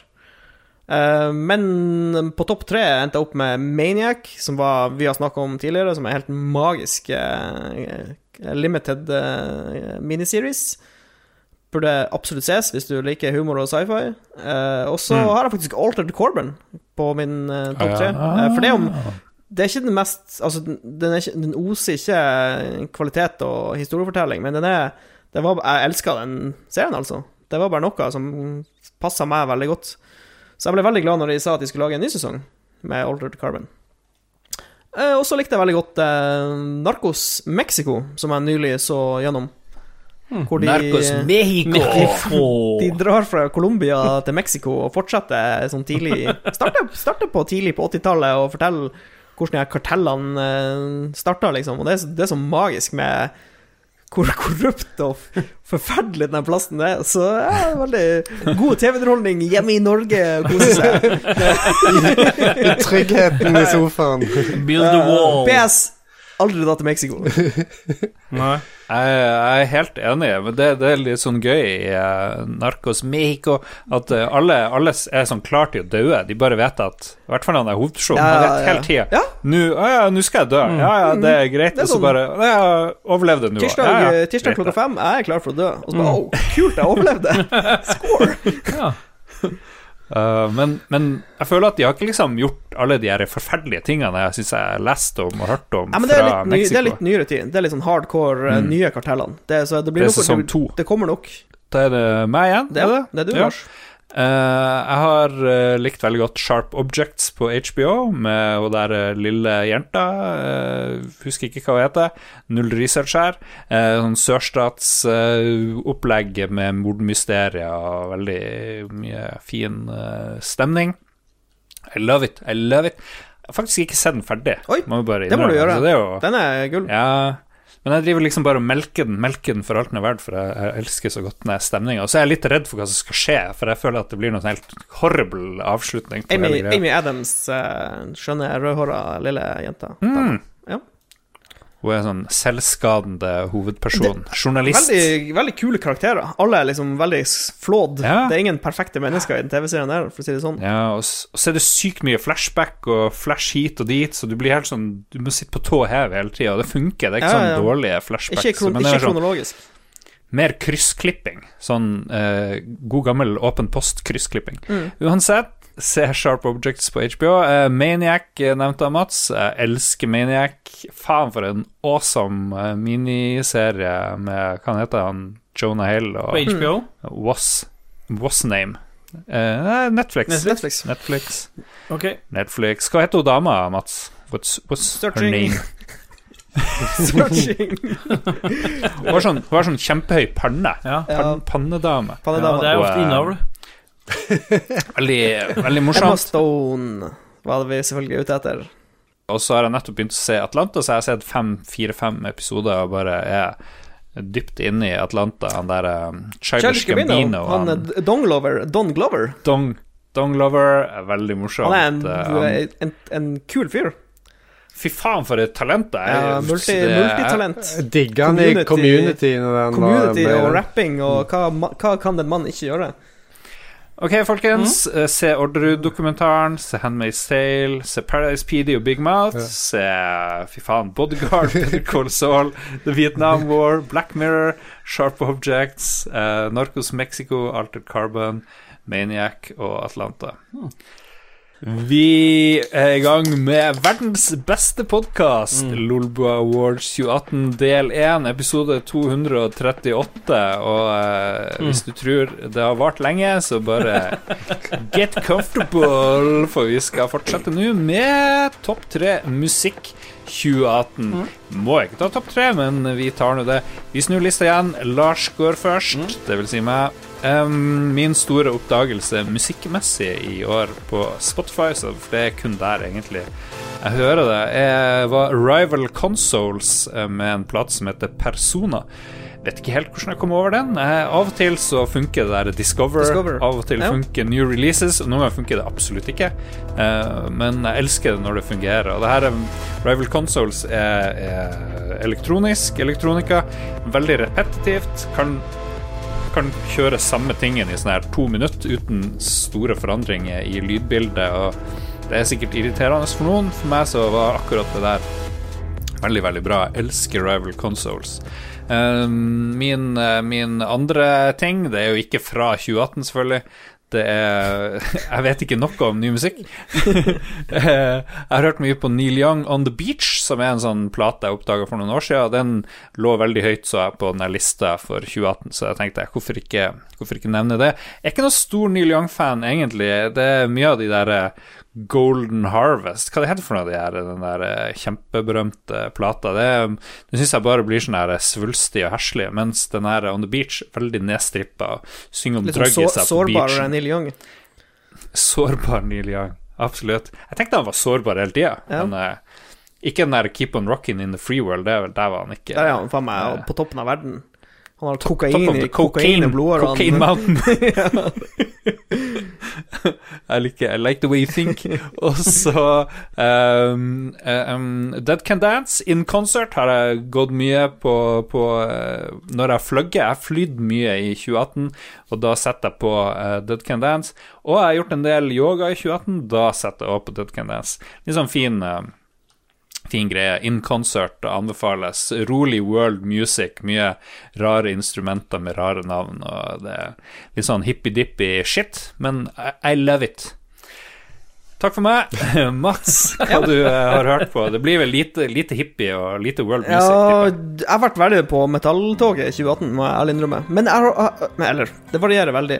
Eh, men jeg har Mm. mega-issues med Spotify, Eh, så jeg er faktisk på MP3-toget. Jeg har et, spot, Mm. Jeg har et Spotify premium-abonnement jeg bruker, så jeg, det er lett for meg å høre på musikk når jeg reiser med telefon og sånn. Men når jeg er hjemme på PC-en, så er det stort sett uh, Fubar 2000 og MP3-samlinga mi som Mm. ruller og går. Nice. For uh, altså, du som stort sett bruker Spotify, du har ikke opplevd uh, verden som er en musikkspiller som ikke er total drit noe Spotify. Den er så dårlig. Det er så dårlig å manipulere eh, playlist. Altså, hvis du vil finne en sang kjapt, finne en artist kjapt, så må du gjøre noe sånn her Må du klikke deg tilbake til hovedmenyen og Ja. det Basically, jeg har um, Jeg bruker ei side som heter Bandcamp, uh, hvor du eh, kan kjøpe musikk, og da går så å si alle pengene rett til artisten. For på Spotify så er det jo en Spotify er bare en mellommann som tar veldig mye penger. Det er jo ikke Pengene flyr jo ikke ut til artistene fra Spotify. Så jeg liker, Nei, du jeg får liker sånn 0,003 øre. jeg liker, liksom, jeg liker konseptet til Bandcamp veldig godt. Du betaler Det er ganske snille priser. Det er alt fra 1 dollar til typisk 6 dollar per album. Og så får du dem i flakk, lossless uh, audiofiler, hvis du vil. Så det er meget bra. Eh, så mine tre skiver for 2018 er tre metallskiver. Det er Hmm. Jobb, sier skive. Jeg, jeg, treng, jeg tenker ikke å si navnet på albumet. Det er 2018-albumene deres. Uh, Si nå, si nå. Det tar ett sekund å si Ok, uh, eh. YOB, Our Raw Heart, Skeleton Witch, Devouring Radiant Light og Space Slug Eye the Tide. Det er mine tre album. Det er um, Til de som ikke kjenner til disse bandene, det er stort sett Det er sånn eh, Jobb er Doomstoner Sludge. Det er veldig sånn eh, rolig tempo. Skeleton Witch er turboaggressiv metall. De har faktisk fått en ny vokalist. Eh, de bytta ut han gamle vokalisten sin, så det var veldig mange som var redd for at denne plata skulle suge. Men han har klart å fylle skoen veldig godt. Så denne, denne plata var Mm. kul. Og Space Slug er et band jeg nylig fant ut. Det er noen gutter fra Polen som lager stoner-aktig metall. Veldig my sinnssykt mye kule gitarsoloer og riff, hvis du liker sånne ting. We like. We like. Okay. Uh, Christian, du har bare gitt opp hele musikksjangeren. Ja, jeg har egentlig. Altså, etter at jeg eh, begynte å høre på soundtracket The Maximum Force, så uh, har jeg ikke hørt på ting annet. Nei da. eh, jeg føler meg litt sånn uh, outsider, for at jeg har verken Spotify eller Jeg har ingen liksom sånne musikklyttekanaler. jeg hører stort sett bare på talkradio eller podkast, eller eh, så er jeg på Soundcloud og hører på diverse greier der. Så jeg, Du, du hører på gammel Commodore-musikk ja, sånn? SID-musikk og Commodore-musikk, det er liksom Det er der det går i. Og jeg, jeg kan jo eh, anbefale f.eks. Jason Page på Soundcloud. No Other Medicine heter han der. Han eh, har en del eh, C64-musikk som eh, er veldig bra. Det eh, Spesielt de, den serien han har som heter First, Second, Third osv. Låtene. De er veldig bra. I tillegg på eh, Soundcloud, Proper Disco, søk opp det. Eh, noen svenske karer som lager veldig laidback, eh, bra musikk. Eh, Disko? Nei, det er jo ikke akkurat disko, men det, det er proper disco. Eh, Så det er lø- navnet er løgn? ja, litt grann, kanskje. Du er så entusiastisk når du spør, Lars. Ja, litt sånn aggressiv Disko! eh, Ja, så- sånn aggressiv sånn Disko! Disko! Sier du disko? med Ja, men Hvem snakker om disko i 2018? ja, nei, Bandet heter, eller gutta heter Proper Disco. Uh, Ekte disko. men, som, men som sagt, jeg uh, hører Skikkelig. ikke så veldig mye på musikk, egentlig. Ja. Det, er- du, du har mye autoritet bak ordene dine når du poengterer at du egentlig ikke hører Ja. så mye på musikk. Men eh, Proper Disco og Jason Page Ja. fra deg, OK?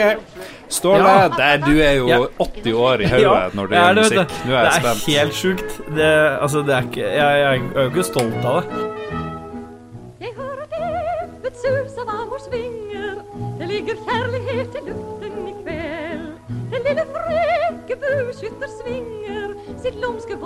Men jeg får jo ikke gjort så mye med den musikksmaken. Så jeg har jo anbefalt en plate tidligere i år, og det er jo Paul McCartney sin Det er i hvert fall fra 2018, da. Jeg har prøvd å holde meg innafor Ja. her. Eh, Så det er Egypt Station som jeg anbefalte tidligere. Den må jo selvfølgelig inn på min eh, topp tre. Ellers så, Mm. ellers så er min musikksmak veldig sånn basert Det er veldig lite åpning for ny musikk. Eh, men jeg prøver å høre. Så jeg, som jeg nevnte tidligere, jeg hører på vinyl, radiovinyl i bilen. Og da innføres det jo ikke så voldsomt Det er fra 50-, 60- og 70-tallet, så da innføres det jo ikke så voldsomt mye nytt. Uh, Ja. Hvem er din favoritt-DJ Hva sa du? Favoritt-DJ på Radio Eh, Vinyl? du hva? For du har vel kan- Vidar Lønn Arnesen? Ja, vet du hva? Jeg kan ikke si det, fordi at uh, vi må gå videre. Kom igjen. Ja, det er Vidar Lønn Arnesen. med tid i skuddet. For han hadde et radioprogram på 60-tallet som het Ti i skuddet, så han har tid i skuddet. Veldig mye bra Altså, Du får høre så mye morsomme låter. Mye dårlige norsklåter der òg, da. Men eh, Ti i skuddet husker jeg fra 80-tallet òg. Ja, men han har noe som heter Tid i skuddet. Men jeg kan ikke være 34 år og si jeg liker Tid i skuddet på vinyl. Vi må jo gå videre. Men du har jo hørt på litt nyere musikk eh, fra et annet eh, rappband. Ja, det har jeg, men jeg kommer til det. skjønner du Det er honorable mentions. Eh, og så har jeg eh, faktisk Beatles eh, sitt White Album, for det kom ut i år. For de som ikke vet det, så kom det en remix-utgave der. Der eh, Remix? det, Ja, det vil si at det er eh, Hele, alle lydsporene er eh, remixa. Det har vært etterspurt lenge, fordi de, bare, de var remastera for noen år siden. Og remixa betyr at de er plassert litt annerledes, så det låter voldsomt mye bedre for de som er glad i Beatles. Hæ. For de som ikke bryr seg. Så Nei, hvis, jeg Magnus hadde remix, så tenker jeg at det er sånn eh, Nå er det en clubmix, en housemix ja, ja, det, er det, det er det de fleste tenker om remix, men en remix er bare en eh, ommix av hvert lydspor. Så det vil si at eh, det sporet som inneholder vokal, gitar, bass, trommer osv., det bare mikser man om annerledes, så det låter på en annen måte. Var, Eh, var det men sånn med White Album at det var liksom Gitaren var på i høyre side, og Nei, eh, det var det var i venstre? Nei, det var ikke sånn? tidligere stereoalbum, men eh, Ja. White Album var jo opprinnelig miksa i, i mono. Ja. Sånn for, fra Beatles sin side. Men glem nå det. Og siste plata er en 2017-album. Eh, siden det var lov til å ha tidligere, så var, passer jo det godt nå. Men jeg hørte det i år, i sommer. Liam Gallagher fra Oasis har et sjukt bra soloalbum. Eh, overraskende bra soloalbum, faktisk. Som jeg hatt lyst til å anbefale tidligere, men jeg får ikke lov til å være med i hver sending, for det blir for mye grisprat. As You Wear heter det. Det kom ut sent 2017, men for de som ikke har hørt det, så er det på min liste fra i år, i hvert fall fra de jeg har hørt i år. Og så er det jo en sånn Jeg har putta inn en siste, og det er jo selvfølgelig Run DMC Greatest Hits. Yes, walk this way. Og der har jeg jo ha litt, der driver jeg litt eh, bakhistorie. Hvorfor du plutselig ble så interessert i Run DMC. i eh, Ståle. eh, Dette er, jo Ja. litt, dette er jo litt for kontemporært for deg, er det ikke det? Det er jo det Jo, altså, det burde jo være for nytt for meg. Du trodde Tungtvern sin logo var det som var opphavet til Lolbua-logoen, og ikke Run DMC. Ja ja, men sånn er det. Det har sin sjarm òg. Jeg syns det var litt artig. det Jeg synes også det er konge. det det. Det viser bare at du er et menneske, Ståle.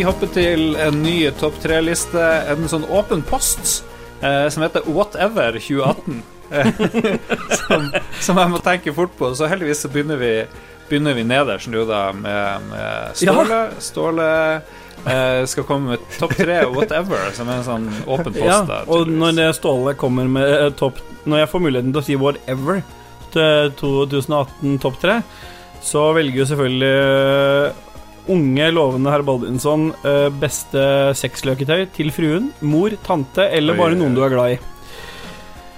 Eh, og da er jo selvfølgelig nevnt tidligere i år dette berømte egget, eh, vibratoregget. Det må inn på den. Har, og dette er ikke noe jeg selv anbefaler. Dette er fra eh, Strategist, The Strategist på nett, så der kan du finne en sånn liste med flere ting. Men siden jeg skal bare nevne tre, så må egget inn på en eh, topp tre. Og så er det en eh, er det en såkalt eh, clandestine mimic. Det er en, en sånn vibratortunge som skal gi følelsen av at det er en tunge som du holder på med der nede. Jeg tror dette kommer til å bli suksess, altså når, for i hvert fall de som jobber skiftarbeid osv. Eller er borte lenge perioder, så er det greit å ha Mats. noe der hjemme. Mats, for eksempel. Når, Ja, ja. Uh, og det siste jeg vil anbefale, det er rett og slett bare egen Det var flere på den lista, men det, det liksom jeg vil kåre som topp én, er rett og slett bare fordi det gir litt sånn den ser, så, den ser så massiv ut. Det er en sånn eh, Den Hitachi Magic Wand. Det, en sånn, det ser ut som en sånn svær stav som du De bruker det mye i film. I sånne, i, i sånne hardpornofilmer. Der har jeg sett sånn wand. Men det her er med app og greier. Så Hitachi sin Magic Wand Den vil være nummer én da på denne Whatever 2018-lista mi. Ja. Det Vær så god. typisk eh, Ståle-liste. Beklager, Lars. Nei, det går helt fint. Kristian, uh, du, du er litt hemmelighetsføler. Uh, Topp tre-lista mi er mat som er bedre dagen etter. Og uh, da vil jeg gjerne begynne på nummer tre. Der er det pizza. Men det gjelder ikke alle pizzaer. Men noen forskjellige pizzaer er faktisk bedre dagen derpå kald. Mm. Eh, her lokalt så har vi noe som heter flamenco, og de har en uh, pizza som heter eh, master. Ja. Og den er veldig god dagen derpå, kald med rømmedressing og uh, med dolly-krydder. Kan jeg spørre om en ting? Ja, absolutt. Er nummer, er nummer sju fortsatt med biff? Å, du, vet du hva, jeg husker ikke Nei, hva nummeret er er, men det kan vi sjekke etter sending. Ja. Uh, men uh, ja, flamenco sin Ja. Eh, eh, Heter den kanskje Big Master, eller Master? Uh, Andreplass, det er dip, chips-dip. Hvis du lar den stå i kjøleskapet natt over Veldig ofte så er det sånn at du kommer på at 'Å, jeg skulle hatt noe dipp', og så lager du det, og så spiser du det altfor tidlig. Men la den stå over natta i kjøleskapet, så blir den eh, Da blir smaken mye mer eh, fyldig og, og punchy. Mm. Og på topp, denne her vet jeg er eh, veldig eh, omdiskutert. Enten liker du det eller liker du det ikke. Ostepopen skal spises dagen etterpå. Oi. Den Myk? blir- Altså, den skal ligge i en bolle? Den skal ligge i en bolle, eller ligge i åpen pose. Ikke ligge i skap, men ligge Oi. ute, ute i nei, nei, nei, plenen. Sånn at, du, sånn at den blir myk og seig. Nei. Er du sånn som liker Pepsi Max lunka også? Nei. Nei. Det er Det er greit, da krysser jeg av det på det skjemaet mitt. så så du, du har fremdeles bare eh, det med personlig bilskilt. Jeg, jeg vet ikke. Jeg var med det, jeg var med det helt til ostepopen. Ja, den ostepopen må jeg henge meg på jeg Mats. vet- Altså, jeg liker var du, også enig med deg med du, det liker du ostepop i det hele, eller Ja. er det bare at Ja. Ja, men det skal sies at jeg spiser ostepop med skje. Ja, men prøv gaffel. Prøv gaffel. Prøv gaffel. det- Prøv Nei, gaffel. ga gaffel funker ikke. Den sklir bare av, og så knuser du dem, og så blir det ødelagt. Å ja, Skje, nei, du må ha en mye skje, så scooper du. Scooper du ostepopen. Så spiser du Mats. Så der, okay. de rører aldri fingrene? Det er ikke sånn at du tar de fra skeia med fingeren etterpå og spiser de, men du, du, du tar de inn i munnen med skeia? Ja, altså, som sagt, det bør nevnes at dette er hvis du sitter solo, med Solo. ostepop. Du kan ikke gjøre dette hvis andre skal spise ostepopen, fordi Nei. da Nei, for det er jo skjea i munnen og så ned igjen. Så har hele skjea i det er en, munnen. en, liten, en liten stjerne der. Men er det, Eh, er det fordi at du spiser dette mens du spiller, sånn at du vil ikke ha alt det den oste-cheese-driten Ja, er på tastaturet og sånn? gamervennlig. Ja, det er litt det er, er det sånn Jeg spiser aldri mm, snacks med PC-en. Sjelden. Men når du spiser ostepop med fingrene, så, så du klarer ikke å vaske Nei. alt bort. Men, men du, ja, for du har nevnt dette her med salami Var det salami eller chorizo Salami, ja. eller et eller annet du spiste med Ja, tingen er, at, tingen er at når du får fett på fingrene, Mm. så nytter det ikke å bare gå, på, gå i vasken og så vaske Nei. det bort, og så er alt fettet magisk borte Nei, etter å vaske tro meg, gang. det er fettet Og går jeg ikke bort. hater å få fett på tastaturet og musa. Det er Hvis det er lov å si. Ja, altså, fett er vanskelig å vaske bort, men fett på musa, det er lov å si. Uh, fett på musa. Ja. Ja, Nei, så det- Beklager for min lille innskyten her. Men, Nei, men det går veldig bra. Jeg vet at uh, ostepop er på en måte noe som veldig mange mener et eller annet Ja. om. Om det er lukta, eller om det er konsistensen, eller Og en ting til med ostepop, bare sånn sidetrack, for vi har så god tid. Ja, det veldig. er at, det, at det, av og til i posen så finner du en sånn nugget med, med rein ostefyll, eller sånn pulvergreier. pulver. Oi. Ja, Og pulver. jeg, jeg, jeg, et par ganger så har jeg funnet noen som er liksom Jeg føler meg som en gullgraver som har funnet Ja. liksom eh, den greia, store gullklumpen. Det er Ja. liksom en sånn flere gram tung uh, klump. Putte den i munnen. Å, det smaker så ekstremt godt! Og så blir du så jævlig kvalm rett etterpå. Fordi at det, det, det blir altfor mye. For mye av det gode. Men jeg, vet ikke hva Men- som skjer i produ på produksjonen som gjør at det av og til Men er det noen andre enn Christian som har funnet en ostepop fylt med ostepoppulver? Ikke hele, po ikke hele skjedd meg posen, med. men det ligger gjerne i bånden så ligger det en sånn Ja, men- nugget. Men jeg har funnet noen nuggeter som er kanskje sånn to ganger tre centimeter, som er sj- bare det der pulveret som de, som Oi, de har på utsida. Og det er så konsentrert, og det er så salt, og det er så smakfullt, men så blir det så dårlig etterpå. jeg spiser ikke så mye ostepop. Nei, Nei, så mye ostepop spiser ikke jeg heller, faktisk. Men um, jeg skjønner Jeg er ikke gullfiskmann. Gullfisk er bra. Hva sa du? Du er sånn Jeg er en gullfiskmann. Ja, vet du hva, det er lenge siden jeg har spist, men det er sjukt digg. Veldig ryddig, veldig ryddig snacks. Ja, for det, det, avgir, det avgir ingenting på fingrene og sånn. Mm. Kan jeg få komme med et forbrukertips uh, midt oppi dette? Jeg vet vi har god tid, så det passer jo bra. Uh, men det er, det, er, det er fra en eh, paramedic til befolkningen. Dette, altså, Hvis dere ikke har prøvd dette, prøv det, og så gi meg tilbakemelding, for dere kommer til å elske det.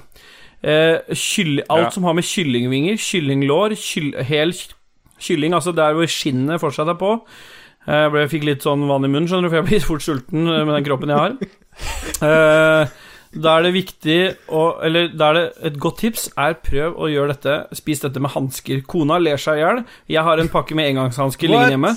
Jeg kødder ikke. Det For Mats var inne på det. Det er Ja, det, vanskelig å dette høres faktisk ut Det- som et reelt tips. fra Vet du hva? Mats. Det er vanskelig å vaske av fett, men kyllingfett Gud bedre Ja, det- hvor vanskelig det er å få av. Prøv Ja, en gang, bare jeg, jeg sier det bare, jeg skal ikke være lenger enn dette, men prøv det en gang, så skal jeg love deg Bare vrenge av seg hansken og være helt ren på hendene etter et deilig kyllingmåltid. Kun en våt klut rundt munnen. Jeg liker Engangshansker. Helt nydelig på kylling. Takk for meg. Mats, Mats har sånne hansker i Ja. go-bagen sin. Men det må Hva skjedde prøves. med kniv og gaffel? Nei men, nei, men ikke på kyllinglår og kyllingvinger. Du kan ikke spise kyllingvinger med kniv og gaffel. Ja, men det er ingen som et kyllingvinger i Harstad. Men vi, vi, du har mange lyttere sørpå, skjønner du, Lars, som, som reiser Nei. til Sverige og kjøper masse kyllingvinger på, på, til halv pris. Og de kommer til å elske dette tipset. Eh, Hvis ikke Og engangshansker selges egentlig ikke så dyrt på apoteket hvis det er vanskelig å få tak i. Spiller ingen rolle. Men få tak i det, prøv det. Det er tipp topp. Terningkast eh, seks. Vær helt, helt ærlig nå. Tok du med deg engangshansker ifra ambulansen, eller kjøpte Eh, du? nå er vi jo på den offisielle podkasten som høres av mange, men jeg har Og du kjøpte tatt- i butikken, ja. Jeg har kjøpt i butikken, ja. Det er riktig. Vet dere hva, Hvis dere er neste gang dere er hos fastlegen, så har jo hun en sånn boks. Ja, men det som er- gang Ta hele boksen. Det som er kjipt med si si fastlegen sine du- hansker Du, jeg skal lage kylling Ja. til middag. Kan jeg låne et par? ja, Og det som er kjipt med fastlegen sine hansker, er at de ofte brukes til prostataundersøkelse, så vi vil ikke ha den boksen der. Vi vil ha en åpen boks, som vi kan, eller en uåpna boks som vi kan ta selv. Den koster ikke mye, men Ta verd- Hun tar jo ikke Hun tar jo ikke folk i ræva, og så tar hun hansken nedi og bare roter rundt. den har vært i nærheten. Så vi, vi tar en ny boks. Vi går jo ikke til fa Det er jo billigere, Lars, å kjøpe denne boksen selv. Mm. Egenandelen til fastlegen er 150 kroner, så det er jo billigere med en sånn boks på egen hånd enn å ta den egenandelen sånn, for å få et ett par det er hansker. Mm. Så anbefaling, kjøp en boks han- engangshansker på apotek. Spis kylling med den. Takk for meg. Sklir vel Har du, har du kommet med det her topp tre mat som er bedre dagen etter? Er du, du Ja, jeg, jeg, Får du med, Lars? han, han har vært busy med å skrive sin egen liste. Ei, ei, ei, Lars. Ok, men det er bra. Da er vi på mat. Du blir kanskje Jeg har, fort, jeg har, ferdig jeg enn oss andre. Jeg skal, jeg skal være kortfatta. Jeg har tre, tre hete tips for 2019 for den generelle befolkninga i Norge, og egentlig resten av verden, hvis de forstår dette språket vi snakker nå. Eh, Det er Ikke vær så fokusert på å lage liste i livet ditt. Nei. Lev i nuet, og lag en go-bag. de, det er mine tre, tre topp tre tips for Ja. 2019. Fordi uh, liste, kom, liste fanger deg, fanger deg Mm. lager urealistiske mål, så blir du deprimert. Det er viktig å bare liksom bare Så, prøv, så det er veldig prøv viktig at du lager en improvisert go-bag, og ikke lager en liste først med hva Jo, du men skal ha en med. er, ikke- en go-bag er ikke en liste. En go-bag er bare et objekt du Ja. lager, og så ligger den i boden din. Til du trenger den. Når russerne angriper, når Ja. russerne angriper, så er du klar. Ja, apropos når russerne angriper, er det, er det noen plass, sengeplasser oppe hos deg eller Lars Mats?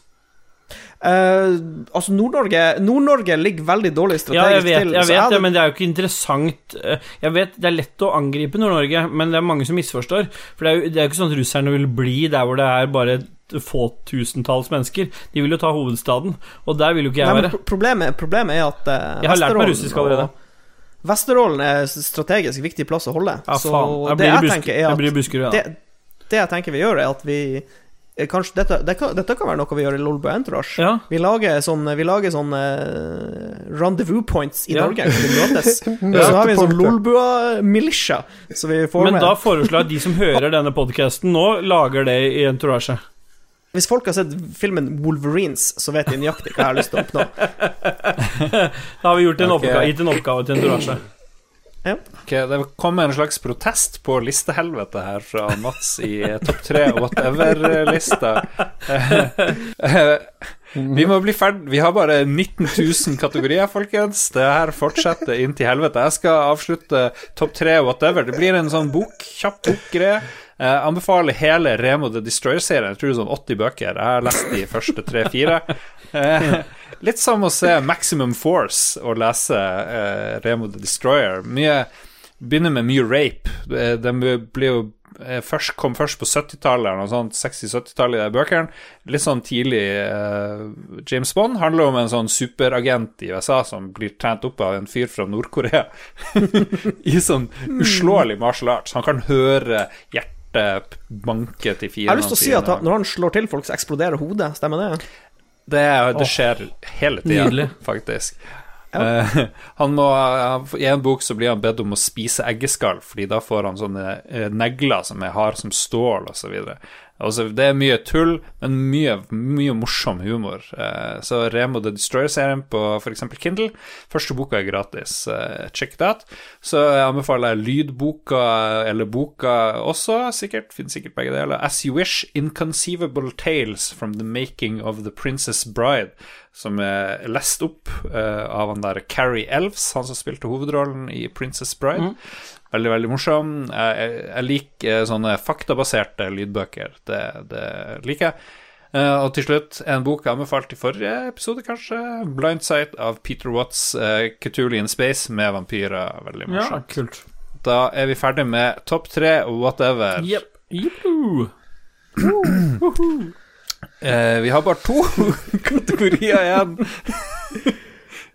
Det vi, det, vi, det vi kan si, er jo at de neste kategoriene ikke er topp tre-ting. Nei.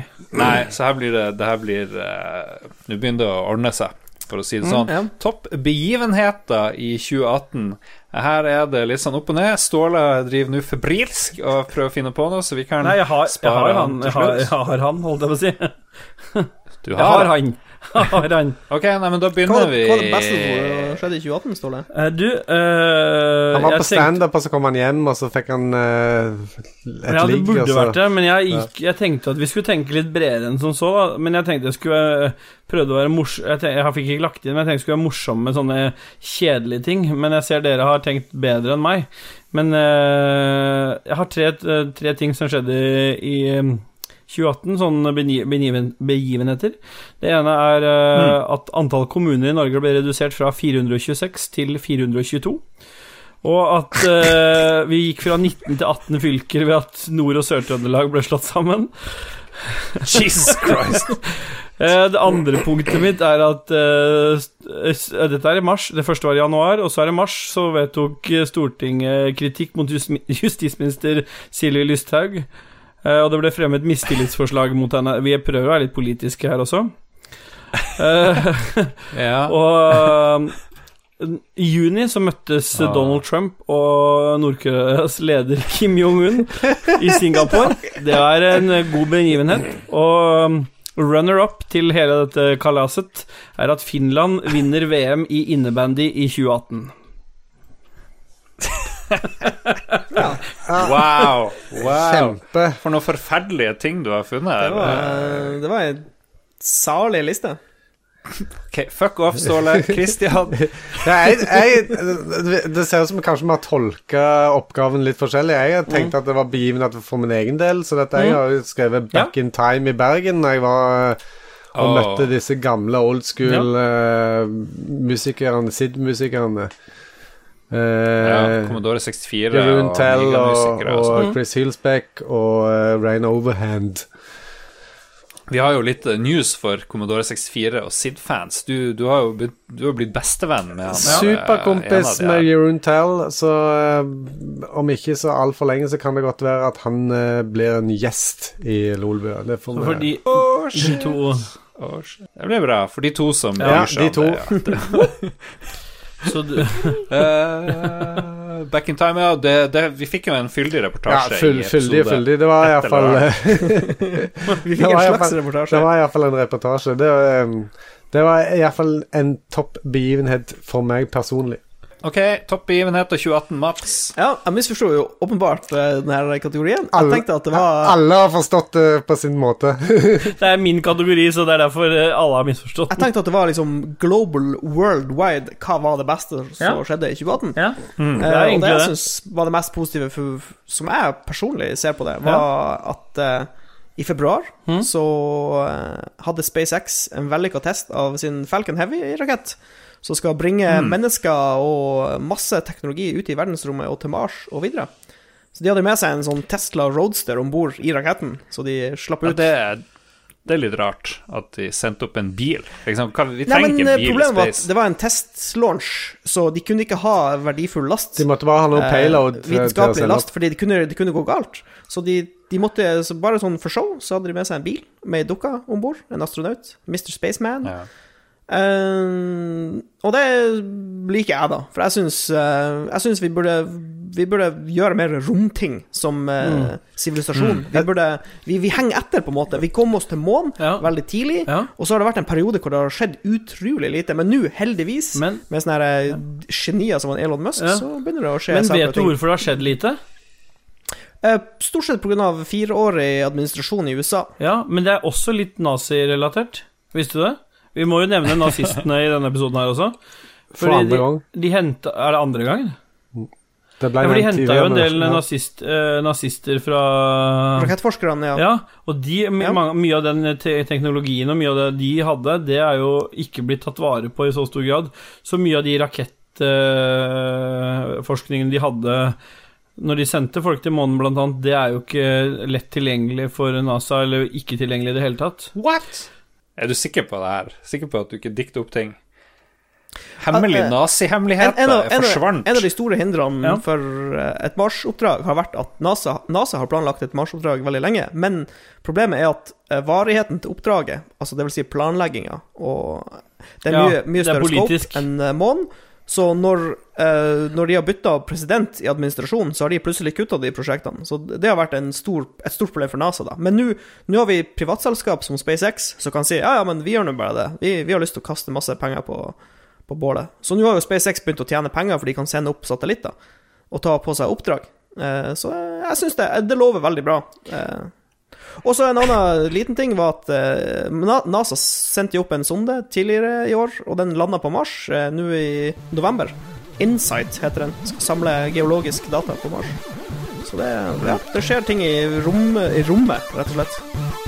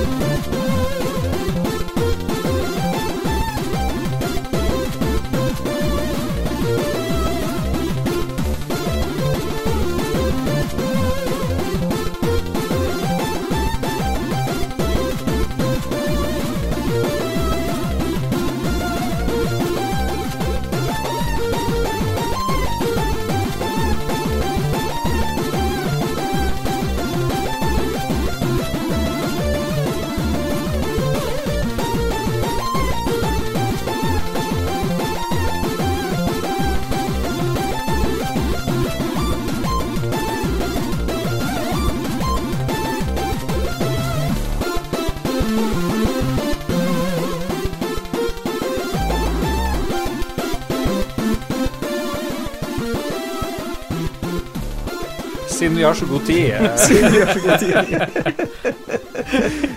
Klokka er over tolv. Jesus lord. Ja, ja, ja. Stakkars de som har unger og ja skal det er en tidlig på Det er en kone som venter på å bruke soverommet jeg sitter og spiller på. Ja, men det er bra, det. er bra det.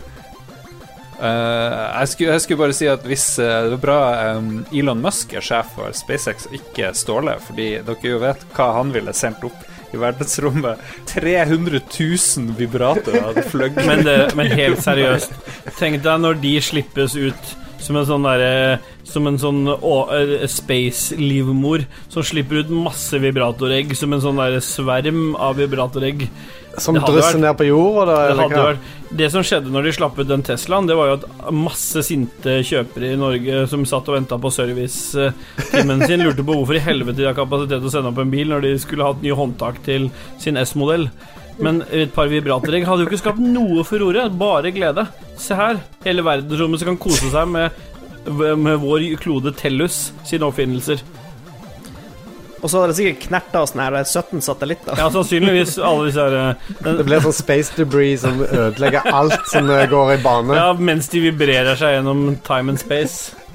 Uh, min topp i 2018 er veldig egoistisk. Jeg begynte å trene, og driver fortsatt å trene. Du er det flink. er faen meg helt vilt. Du er- Hvem skulle tro du er det? flink. Jeg liker det, Lars. Men Jeg liker det. den personlige treneren din er hot as fuck, så det er derfor, tenker jeg. Stemmer det. Stemmer det. Vi skal ta for oss den siste kategorien i våre Slolbo Awards 2018 del 1, som aldri tar slutt. Største skuffelser i 2018 må ikke være tre ting. Utropstegn. Veldig viktig. Utropstegn. Men Lars, hvorfor avslutter Ja. vi med skuffelser?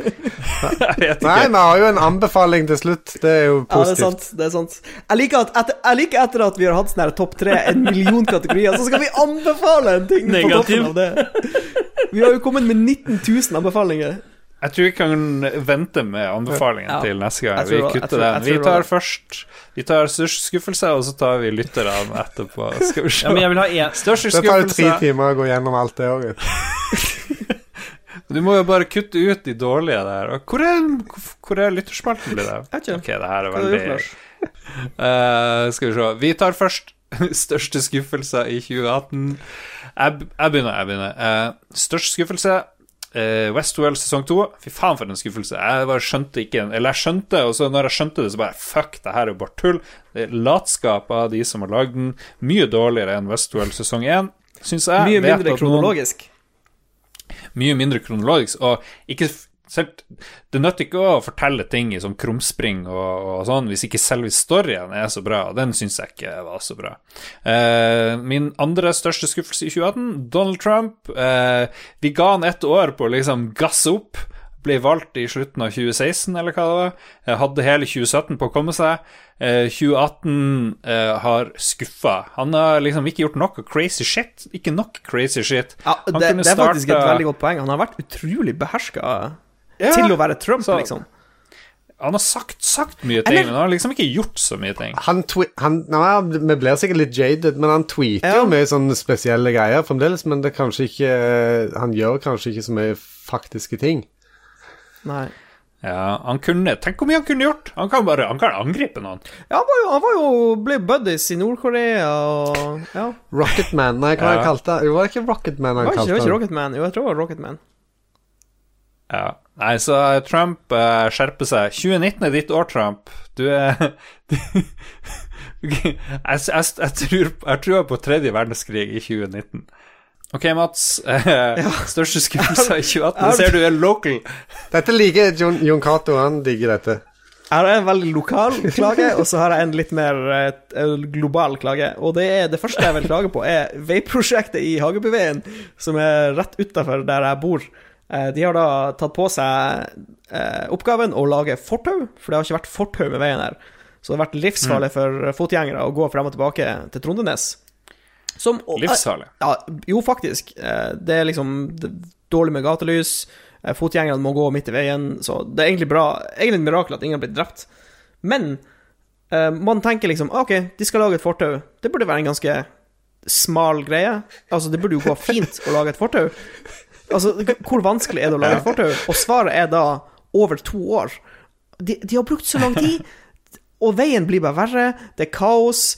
Det er omkjøring. Du må kjøre opp, du må kjøre ned, du må kjøre rundt. Det forandrer seg fra dag til dag. Kjøremønsteret er helt på ræva. Og veien er så dårlig nå, det er så mye humper. Og så kom snøen, og det er, det er, altså, det er krise, gutta. Det er It's bad.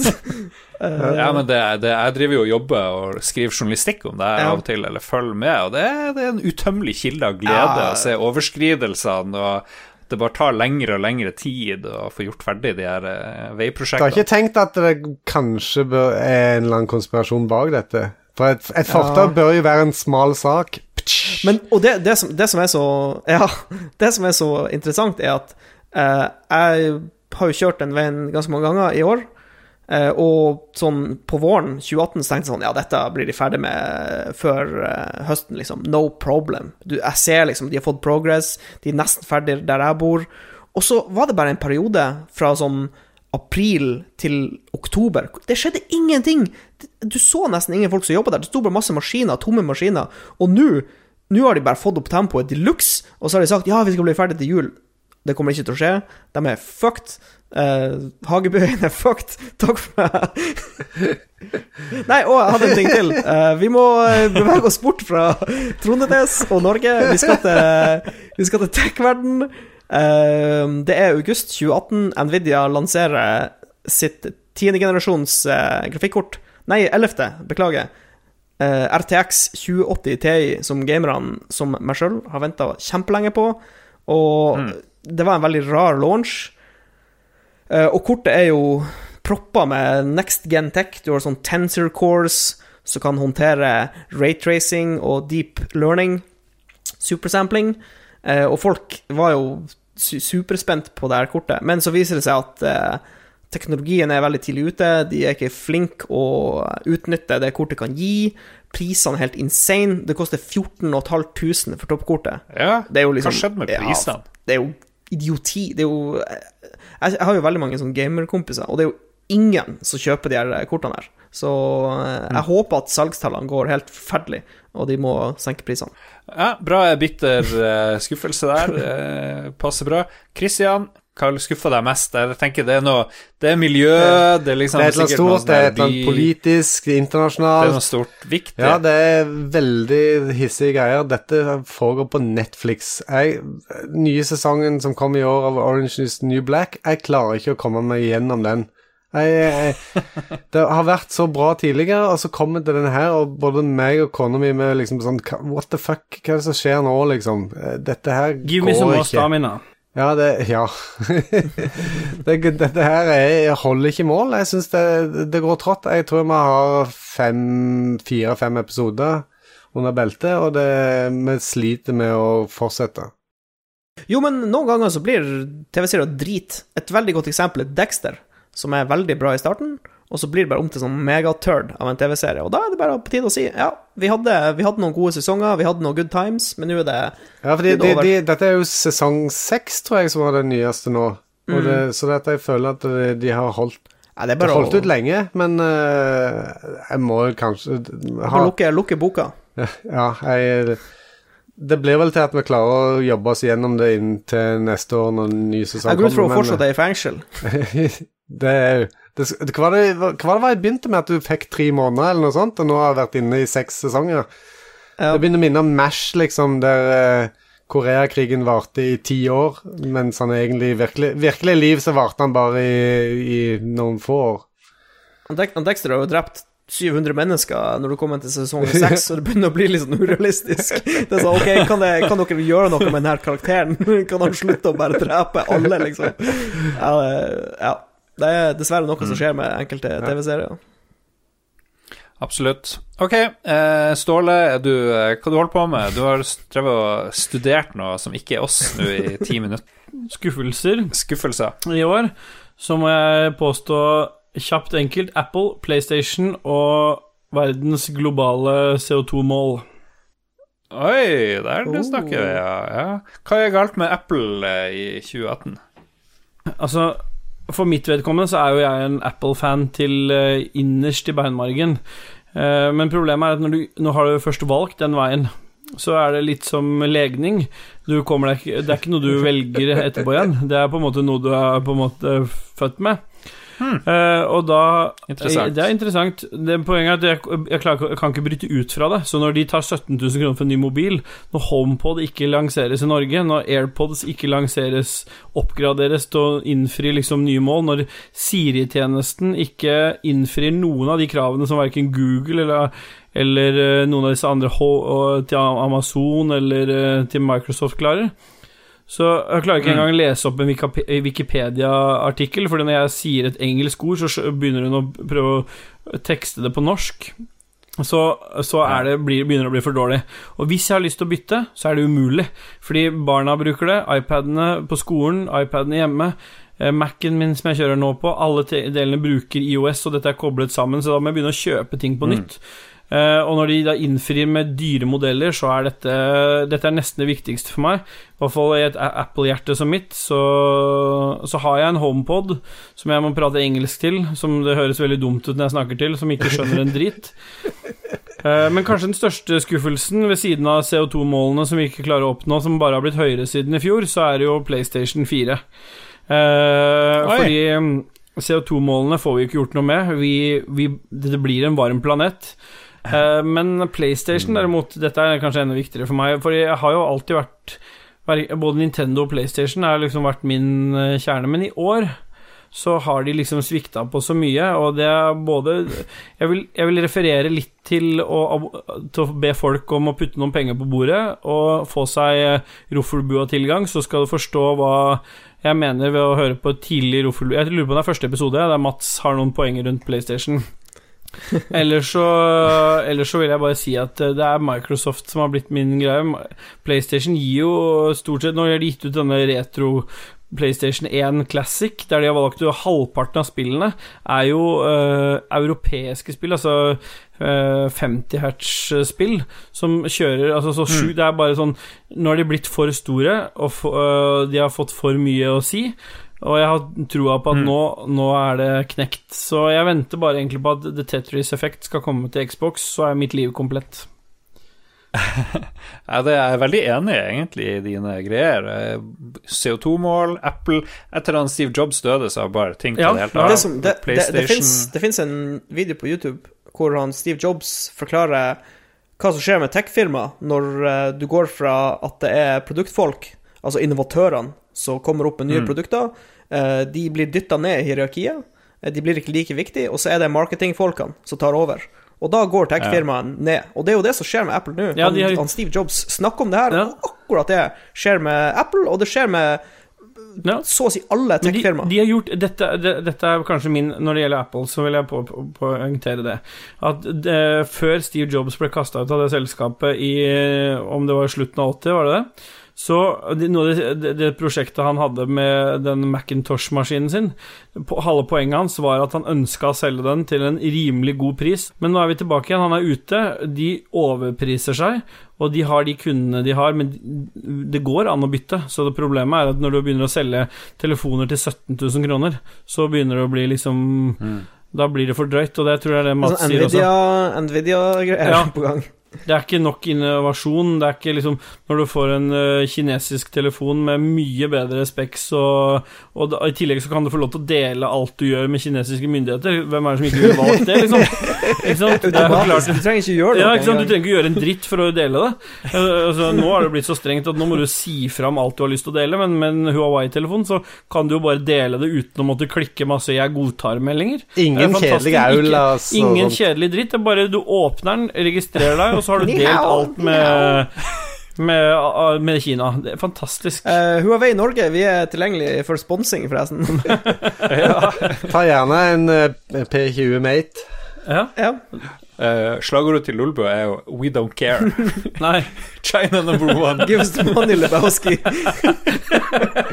det er mottoet mitt. Ok, da er vi faktisk ferdige med Yes! topp uh, En liten applaus, eller? En hoia! Ja, fy faen. Det 2018. Publikum i Oslo Spektrum jubler hemningsløst.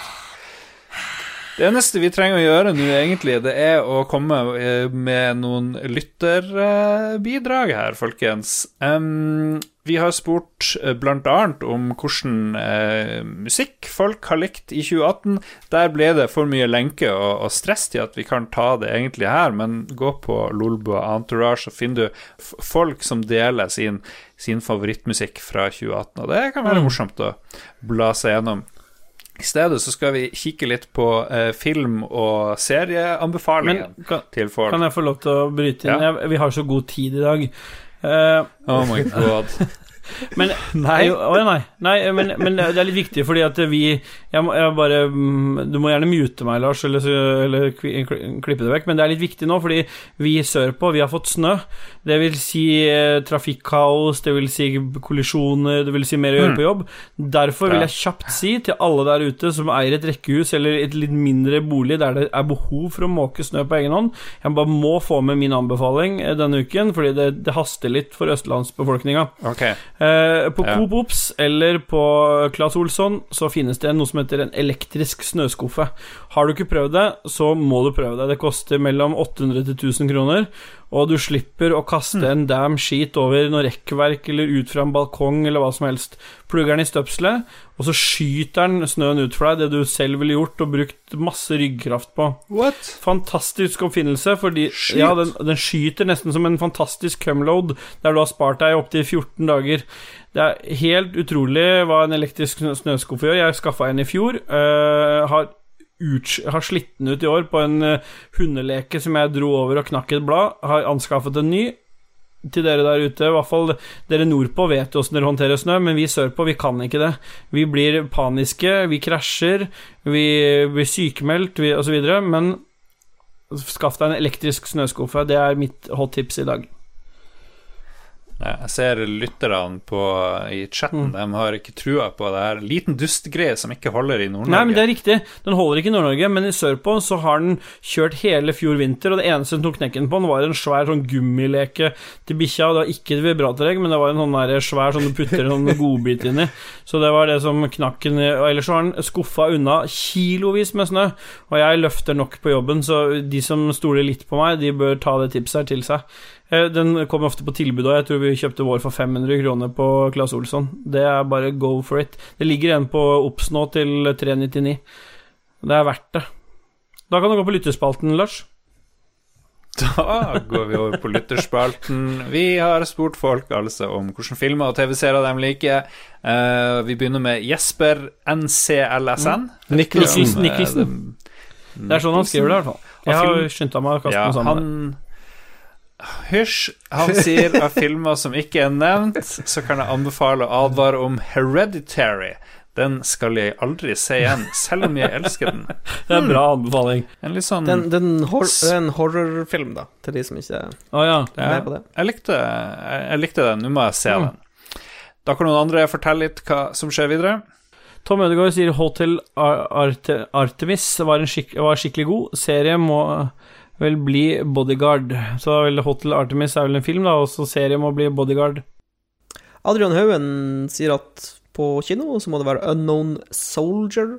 Det er en finsk film om krigen i Finland. eh, den kjente vinterkrigen. Eh, den var faktisk vi innom på iTunes, Lars, husker du? Men så så vi at den Ja. varte i tre timer. Vi var litt seint i gang med å finne film. Ja, Men jeg har veldig lyst til å se den. Jeg har hørt om den sjøl, og den er visstnok Ja. en veldig bra krigsfilm. Eh, og så anbefaler han også Eller han likte også veldig godt uh, 'Haunting of Hill House', som går på Netflix. Og det har jo Jon Cato også Nei, Dag Thomas. Ja, noen, av, noen av oss har i hvert fall anbefalt 'Haunting'. Jo, det var Ja. Cato. Ja. 'Haunting of Hill Vi så, eh, House'. I stedet for å se den der uh, Unknown Soldier, så så vi Death Wish, tror jeg, med Bruce Willis. Ja, men Unknown Soldier, er den fra i år, eller? Jeg har ikke hørt om det. Ja, Det er 2018-film. Det er en finsk film ja. om vinterkrigen. Finland. Den heter Hun heter det Hun eller noe hella hunda. Ja. Og eneste grunn til at vi så Death Wish med Bruce Willis, var fordi den varte i 1 time og 30 minutter. Her har du en som har anbefalt akkurat den samme filmen som jeg òg hadde på lista mi. Hans Wangli han eh, sier at eh, Ready Player One, det er filmen Eller egentlig så sier han bare Ready Player Ja, One. that's han, it. sier, han sier ingen, han sier ingenting annet. Han sier bare Ready Player One. Jeg regner med at han mener den er bra. At det er derfor han har sagt sånn, men eh, Han er, han, er en Ja. maskin. Han har ikke tid til å kaste vekk tida på å skrive Nei, han har ikke luft nok å bruke på det. Trond Sinfor, eh, Sinfor Sinfor. Borgersen, som jo er en slags eh, berømt DJ som følger med. Han eh, har ikke sett så mange filmer, men også han vil anbefale Ready Player One. Han så den tre ganger på kino, Det og han har sett den hjemme. Det må jeg si. Men- eh, ellers så anbefaler han også You Were Never Really Here og Avengers 3. Det samme. Også kjent som Infinity War. Men uh, bare sånn fun fact om tre, uh, Trond sin Sinfor Borgersen. Han er jo sånn eh, Han har jo til og med sen, Han er ganske ivrig på å bidra på sånne spillpodkaster, så han har til og med egen vignett, han, i Level Up. så han har en egen uh, Sinfor uh, Uken Sinfor, kalte de det en stund. Så, men han, han har ikke fått den vignetten så mye, så hvis vi gir han litt mer oppmerksomhet her, så blir han en mye mer trofast Lolbua-bidragsyter. Kan vi få en vignett fra Trond? Han kan lage en sjøl, og så spiller vi den. Ja, for vi er ikke så glad i å lage ting, vi. Men Nei, eh, vi kan nei, jo ta noe. Run DMC, kanskje. Kristina Haley eh, og Kristina har en morsom historie om hvorfor hun heter Ja. Haley, men den kommer Å, ja. senere. Um, hun sier at hun har eh, sett altfor få filmer i år. Hun mangler Crazy Rich Asians. Høres litt morsomt ut. Den har jeg sett. Uh, Spiderman Into the Spider-Verse er den der animasjons-Spiderman-filmen. Jeg liker traileren til Ja, den. den så, så ut. faktisk jævlig kul ut. Kritikker på å være den beste Spiderman-filmen som er lagd, så Ja, Mm, kult. ja. Så nevner hun Widows. Eh, Jeg tror det er feilstava Windows, Mm, ja. muligens. Selvfølgelig liker hun Windows. Muligens. Bohemian Rhapsody, det er jo din favorittfilm. Ståle. Du nevnte ikke Nei, den. men eh, den, eh, Den burde vært nevnt. Ja. Sorry to bother you, Mary's Queen of Scots, Halloween, The List Goes On. Men favorittfilmene hennes er Bad Times at the El Royale, som eh, jeg har hørt om, ikke sett. Black Panther den har ikke noen Nei. av oss nevnt. For den var ganske dårlig. syv Jeg har sett den, men den var ganske dårlig. Nei, den var helt Ja. grei. Ja, ja. Altså, Sammenligna med Infinity War, så er Ja, den er ganske dårlig i forhold til der, ja. Sammenligna med den. Mm. Uh, Favoritt-TV-serier Tell Me a Story, The Haunting of Hill House og Queer Eye. Fordi Queer Eye uh, har vel kommet tilbake. Men, med nye, uh, nye homoer, er det ikke det? Men heter ikke Queer Eye for the Straight Guy? Jo. Før. Ja, det heter før, men nå Bare heter det bare det Queer Eye. ut litt. Ja. Okay, Queer nye queers, da, Ståle. Uh, og Queer Eye sier hun er godt for kropp og sjel, så takk for det. Ja, klart det. Per Martin Olsen, han Han sier bra for oss som henger noen år etter å kunne bruke dette som en forslagsliste. Har sett Haunting of Hills House og likte den serien. Det sier han. Så han bruker det vi har, som er skrevet over, da, til å kunne se, opp, se seg opp litt. Det er fornuftig. Torbjørn, eh, arke arkeolog Praus Skau, eh, ramser bare opp noen filmer han likte, uten spesiell rekkefølge. Black Panther, Equalizer 2, Upgrade, Deadpool 2 og Ready Player One. Deadpool 2 har vi ikke heller nevnt, men den var ganske bra, den filmen. Christian. Vegard Isaac Mudenia. Er det nytt navn, eller Ja, han spiller som i Isaac, med Binding of Isaac. Binding of Isaac. Ah. Mm. Ja, beste serien, der sier han at det må jo være Altered Carbon. Yes! Yes, det er han Min en eh, kar, my dude. Ja, han er nordlending. virtual han, high five der ifra Mats. Ja. Uh, film, uh, der er det Deadpool 2. Har ikke sett. Har ikke sett. Den er bra. Den er bra. Skulle nesten tro at han har lært, lest eh, sendeskjema med årets eh, skuffelse. Det er Annihilation. Han syns faktisk ikke den var bra. Mm. Jo, men jeg tipper hvis du har lest boka og er vilt hypa for filmen, så tipper jeg du blir litt skuffa. Mm. På grunn av slutten. Også eh, Ja. Ready Player One òg, så er han litt sånn uh, Han vet ikke helt hva han uh, syns, fordi han har lest uh, boka så mange ganger at han eh, Jo, men Kanskje. på nytt igjen, vi har problemet. Bok først, og så se film. Det er en dårlig oppskrift. Det er det, for det, det som skjer i huet, det er ofte bedre. Mm. Men uh, akkurat der, Ready Player One, syns jeg Ready Player One gjorde det ganske bra. Men det er kanskje Ja, fordi jeg, jeg, for jeg, meg som sagt, det, jeg, var, jeg er helt enig med deg, Christian. Det Men det var fem år mellom jeg leste boka og jeg så filmen, så det kan være at jeg har glemt masse i mellomtida. Det var mange Ja. koronas Men du, må, du må chille litt. Når du har lest en bok, hvis du likte boka veldig godt, og du skal se filmen, du må liksom Du må chille litt. Bare ikke forvent for mye. Bare Nei. sånn, ja. Så går det bra. Og så har han eh, et eller annet årets norske, uansett hva bare det er norsk, latterlig smart. Er det en serie, eller? Vegard, Vegard er en særing, så det er ikke godt å vite. Det kan være, han driver jo en del med, med YouTube, eller? Ja, det kan være alt fra YouTube til revy. Vegard er jo, driver jo aktivt med revy, så han, han er jo med i revylaget i Nord-Norge. Hvorfor driver dere så mye med revy nordpå, Lars og Mats? Vi digger Ja, dere gjør det, for det, det er på sånn eh, Han er, med, han er, my, han er mye involvert i revy, da. Så Latterlig smart kan være revyrelatert. Det må sjekkes ut. Helt. Mest sannsynlig. Mest sannsynlig Ja. revy. Ok, til slutt. eh, Kristoffer Gutterboys Hansen Leistad, film Deadpool 2. uh, årets skuffelse Infinity War. Oi. Beste TV-serie Altered Carbon. Yay! Og vi er, vi er faktisk nesten helt ferdig, men vet Nei. dere hva? Det vi mangler, uh, er jo å kunne si hva som er nøyaktig den beste TV-serien, hva er den beste filmen, osv. Jeg har funnet frem en random nummergenerator, så jeg tar og gir et nummer eh, til dere, så gjør, blir det automatisk for en av dere lov å bestemme beste i hver kategori. Eh, Topp film, derfor har Mats lov å bestemme årets film 2018. Uh, First Man. First Man, årets film. Ingen kan protestere på det. Eh, det her er helt rettferdig. Da eh, vet vi det. Eh, eh, og så er det topp eh, TV-serie. Der er det eh, Ståle som bestemmer. Hva er årets TV-serie? Uh, det er Altered Carbon. Ok, har du sett? Veldig uenig, men ok. topp tre-musikk. Den som skal bestemme det, er også Ståle. Eh, det er uh, Paul McCartney med Egypt Station. Ah, fuck off. Ja, ok. Topp tre whatever. Uh, står det der òg? Det er random uh, Der nummergenerator er det til som topp tre sexløketøy til fruen, mor, tante eller bare noen du er glad i. Julegavetips. Det er eh, vibratoregg, tenker jeg vi skal gjennomgå der. Mats får lov å bestemme hva som er topp i enhet 2018. Uh, at han Lars begynte å trene. Veldig. Alle, alle tjener på Ja, det. det er sant. Ja. Godt, godt svar. Uh, årets største skuffelse. Der er det Mats også som skal bestemme. Årets største skuffelse er åpenbart veiprosjektet i Hagebyveien. Ja. Det trenger ikke betenkningstid engang. Jeg er helt enig. Eh, Vi er enige, vi søler på. Kult. Kan noen, Ja, det er bra. kan noen bowle det der, sånn at vi vet det til Ja, jeg skal bowle, jeg skal bowle. bowling her. Skal Skal vi se, og da er vi, da er vi ferdige, tror jeg. Ja. Da er vi ferdig med absolutt alt. Det tok eh, Vi holdt på i hvert fall i to og en halv time her. Det begynner å, begynner å skje ting. heftige greier. Ja. Heftige greier. Eh, hva, hva dere skal gjøre nå? Nei, nå skal jeg frigjøre det soverommet, så noen kan gå og legge seg. Så skal jeg gå tilbake til å spille Ja. spillet jeg anbefalte helt i starten. Strange Brigade. Jeg vil gjerne gi en shout-out til de på Twitch som fortsatt uh, henger med. Det er faen meg awesome fucking dudes. Vi møtes om en uke for en ny utgave Lolbua Awards. Part to. Uh, Gud vet Part to. hva kommer da. Takk, Ha det takk. bra. Ha det! Har du et enkeltpersonforetak eller en liten bedrift? Da er du sikkert lei av å høre meg snakke om hvor enkelt det er med kvitteringer og bilag i fiken, så vi eh, gir oss her, vi.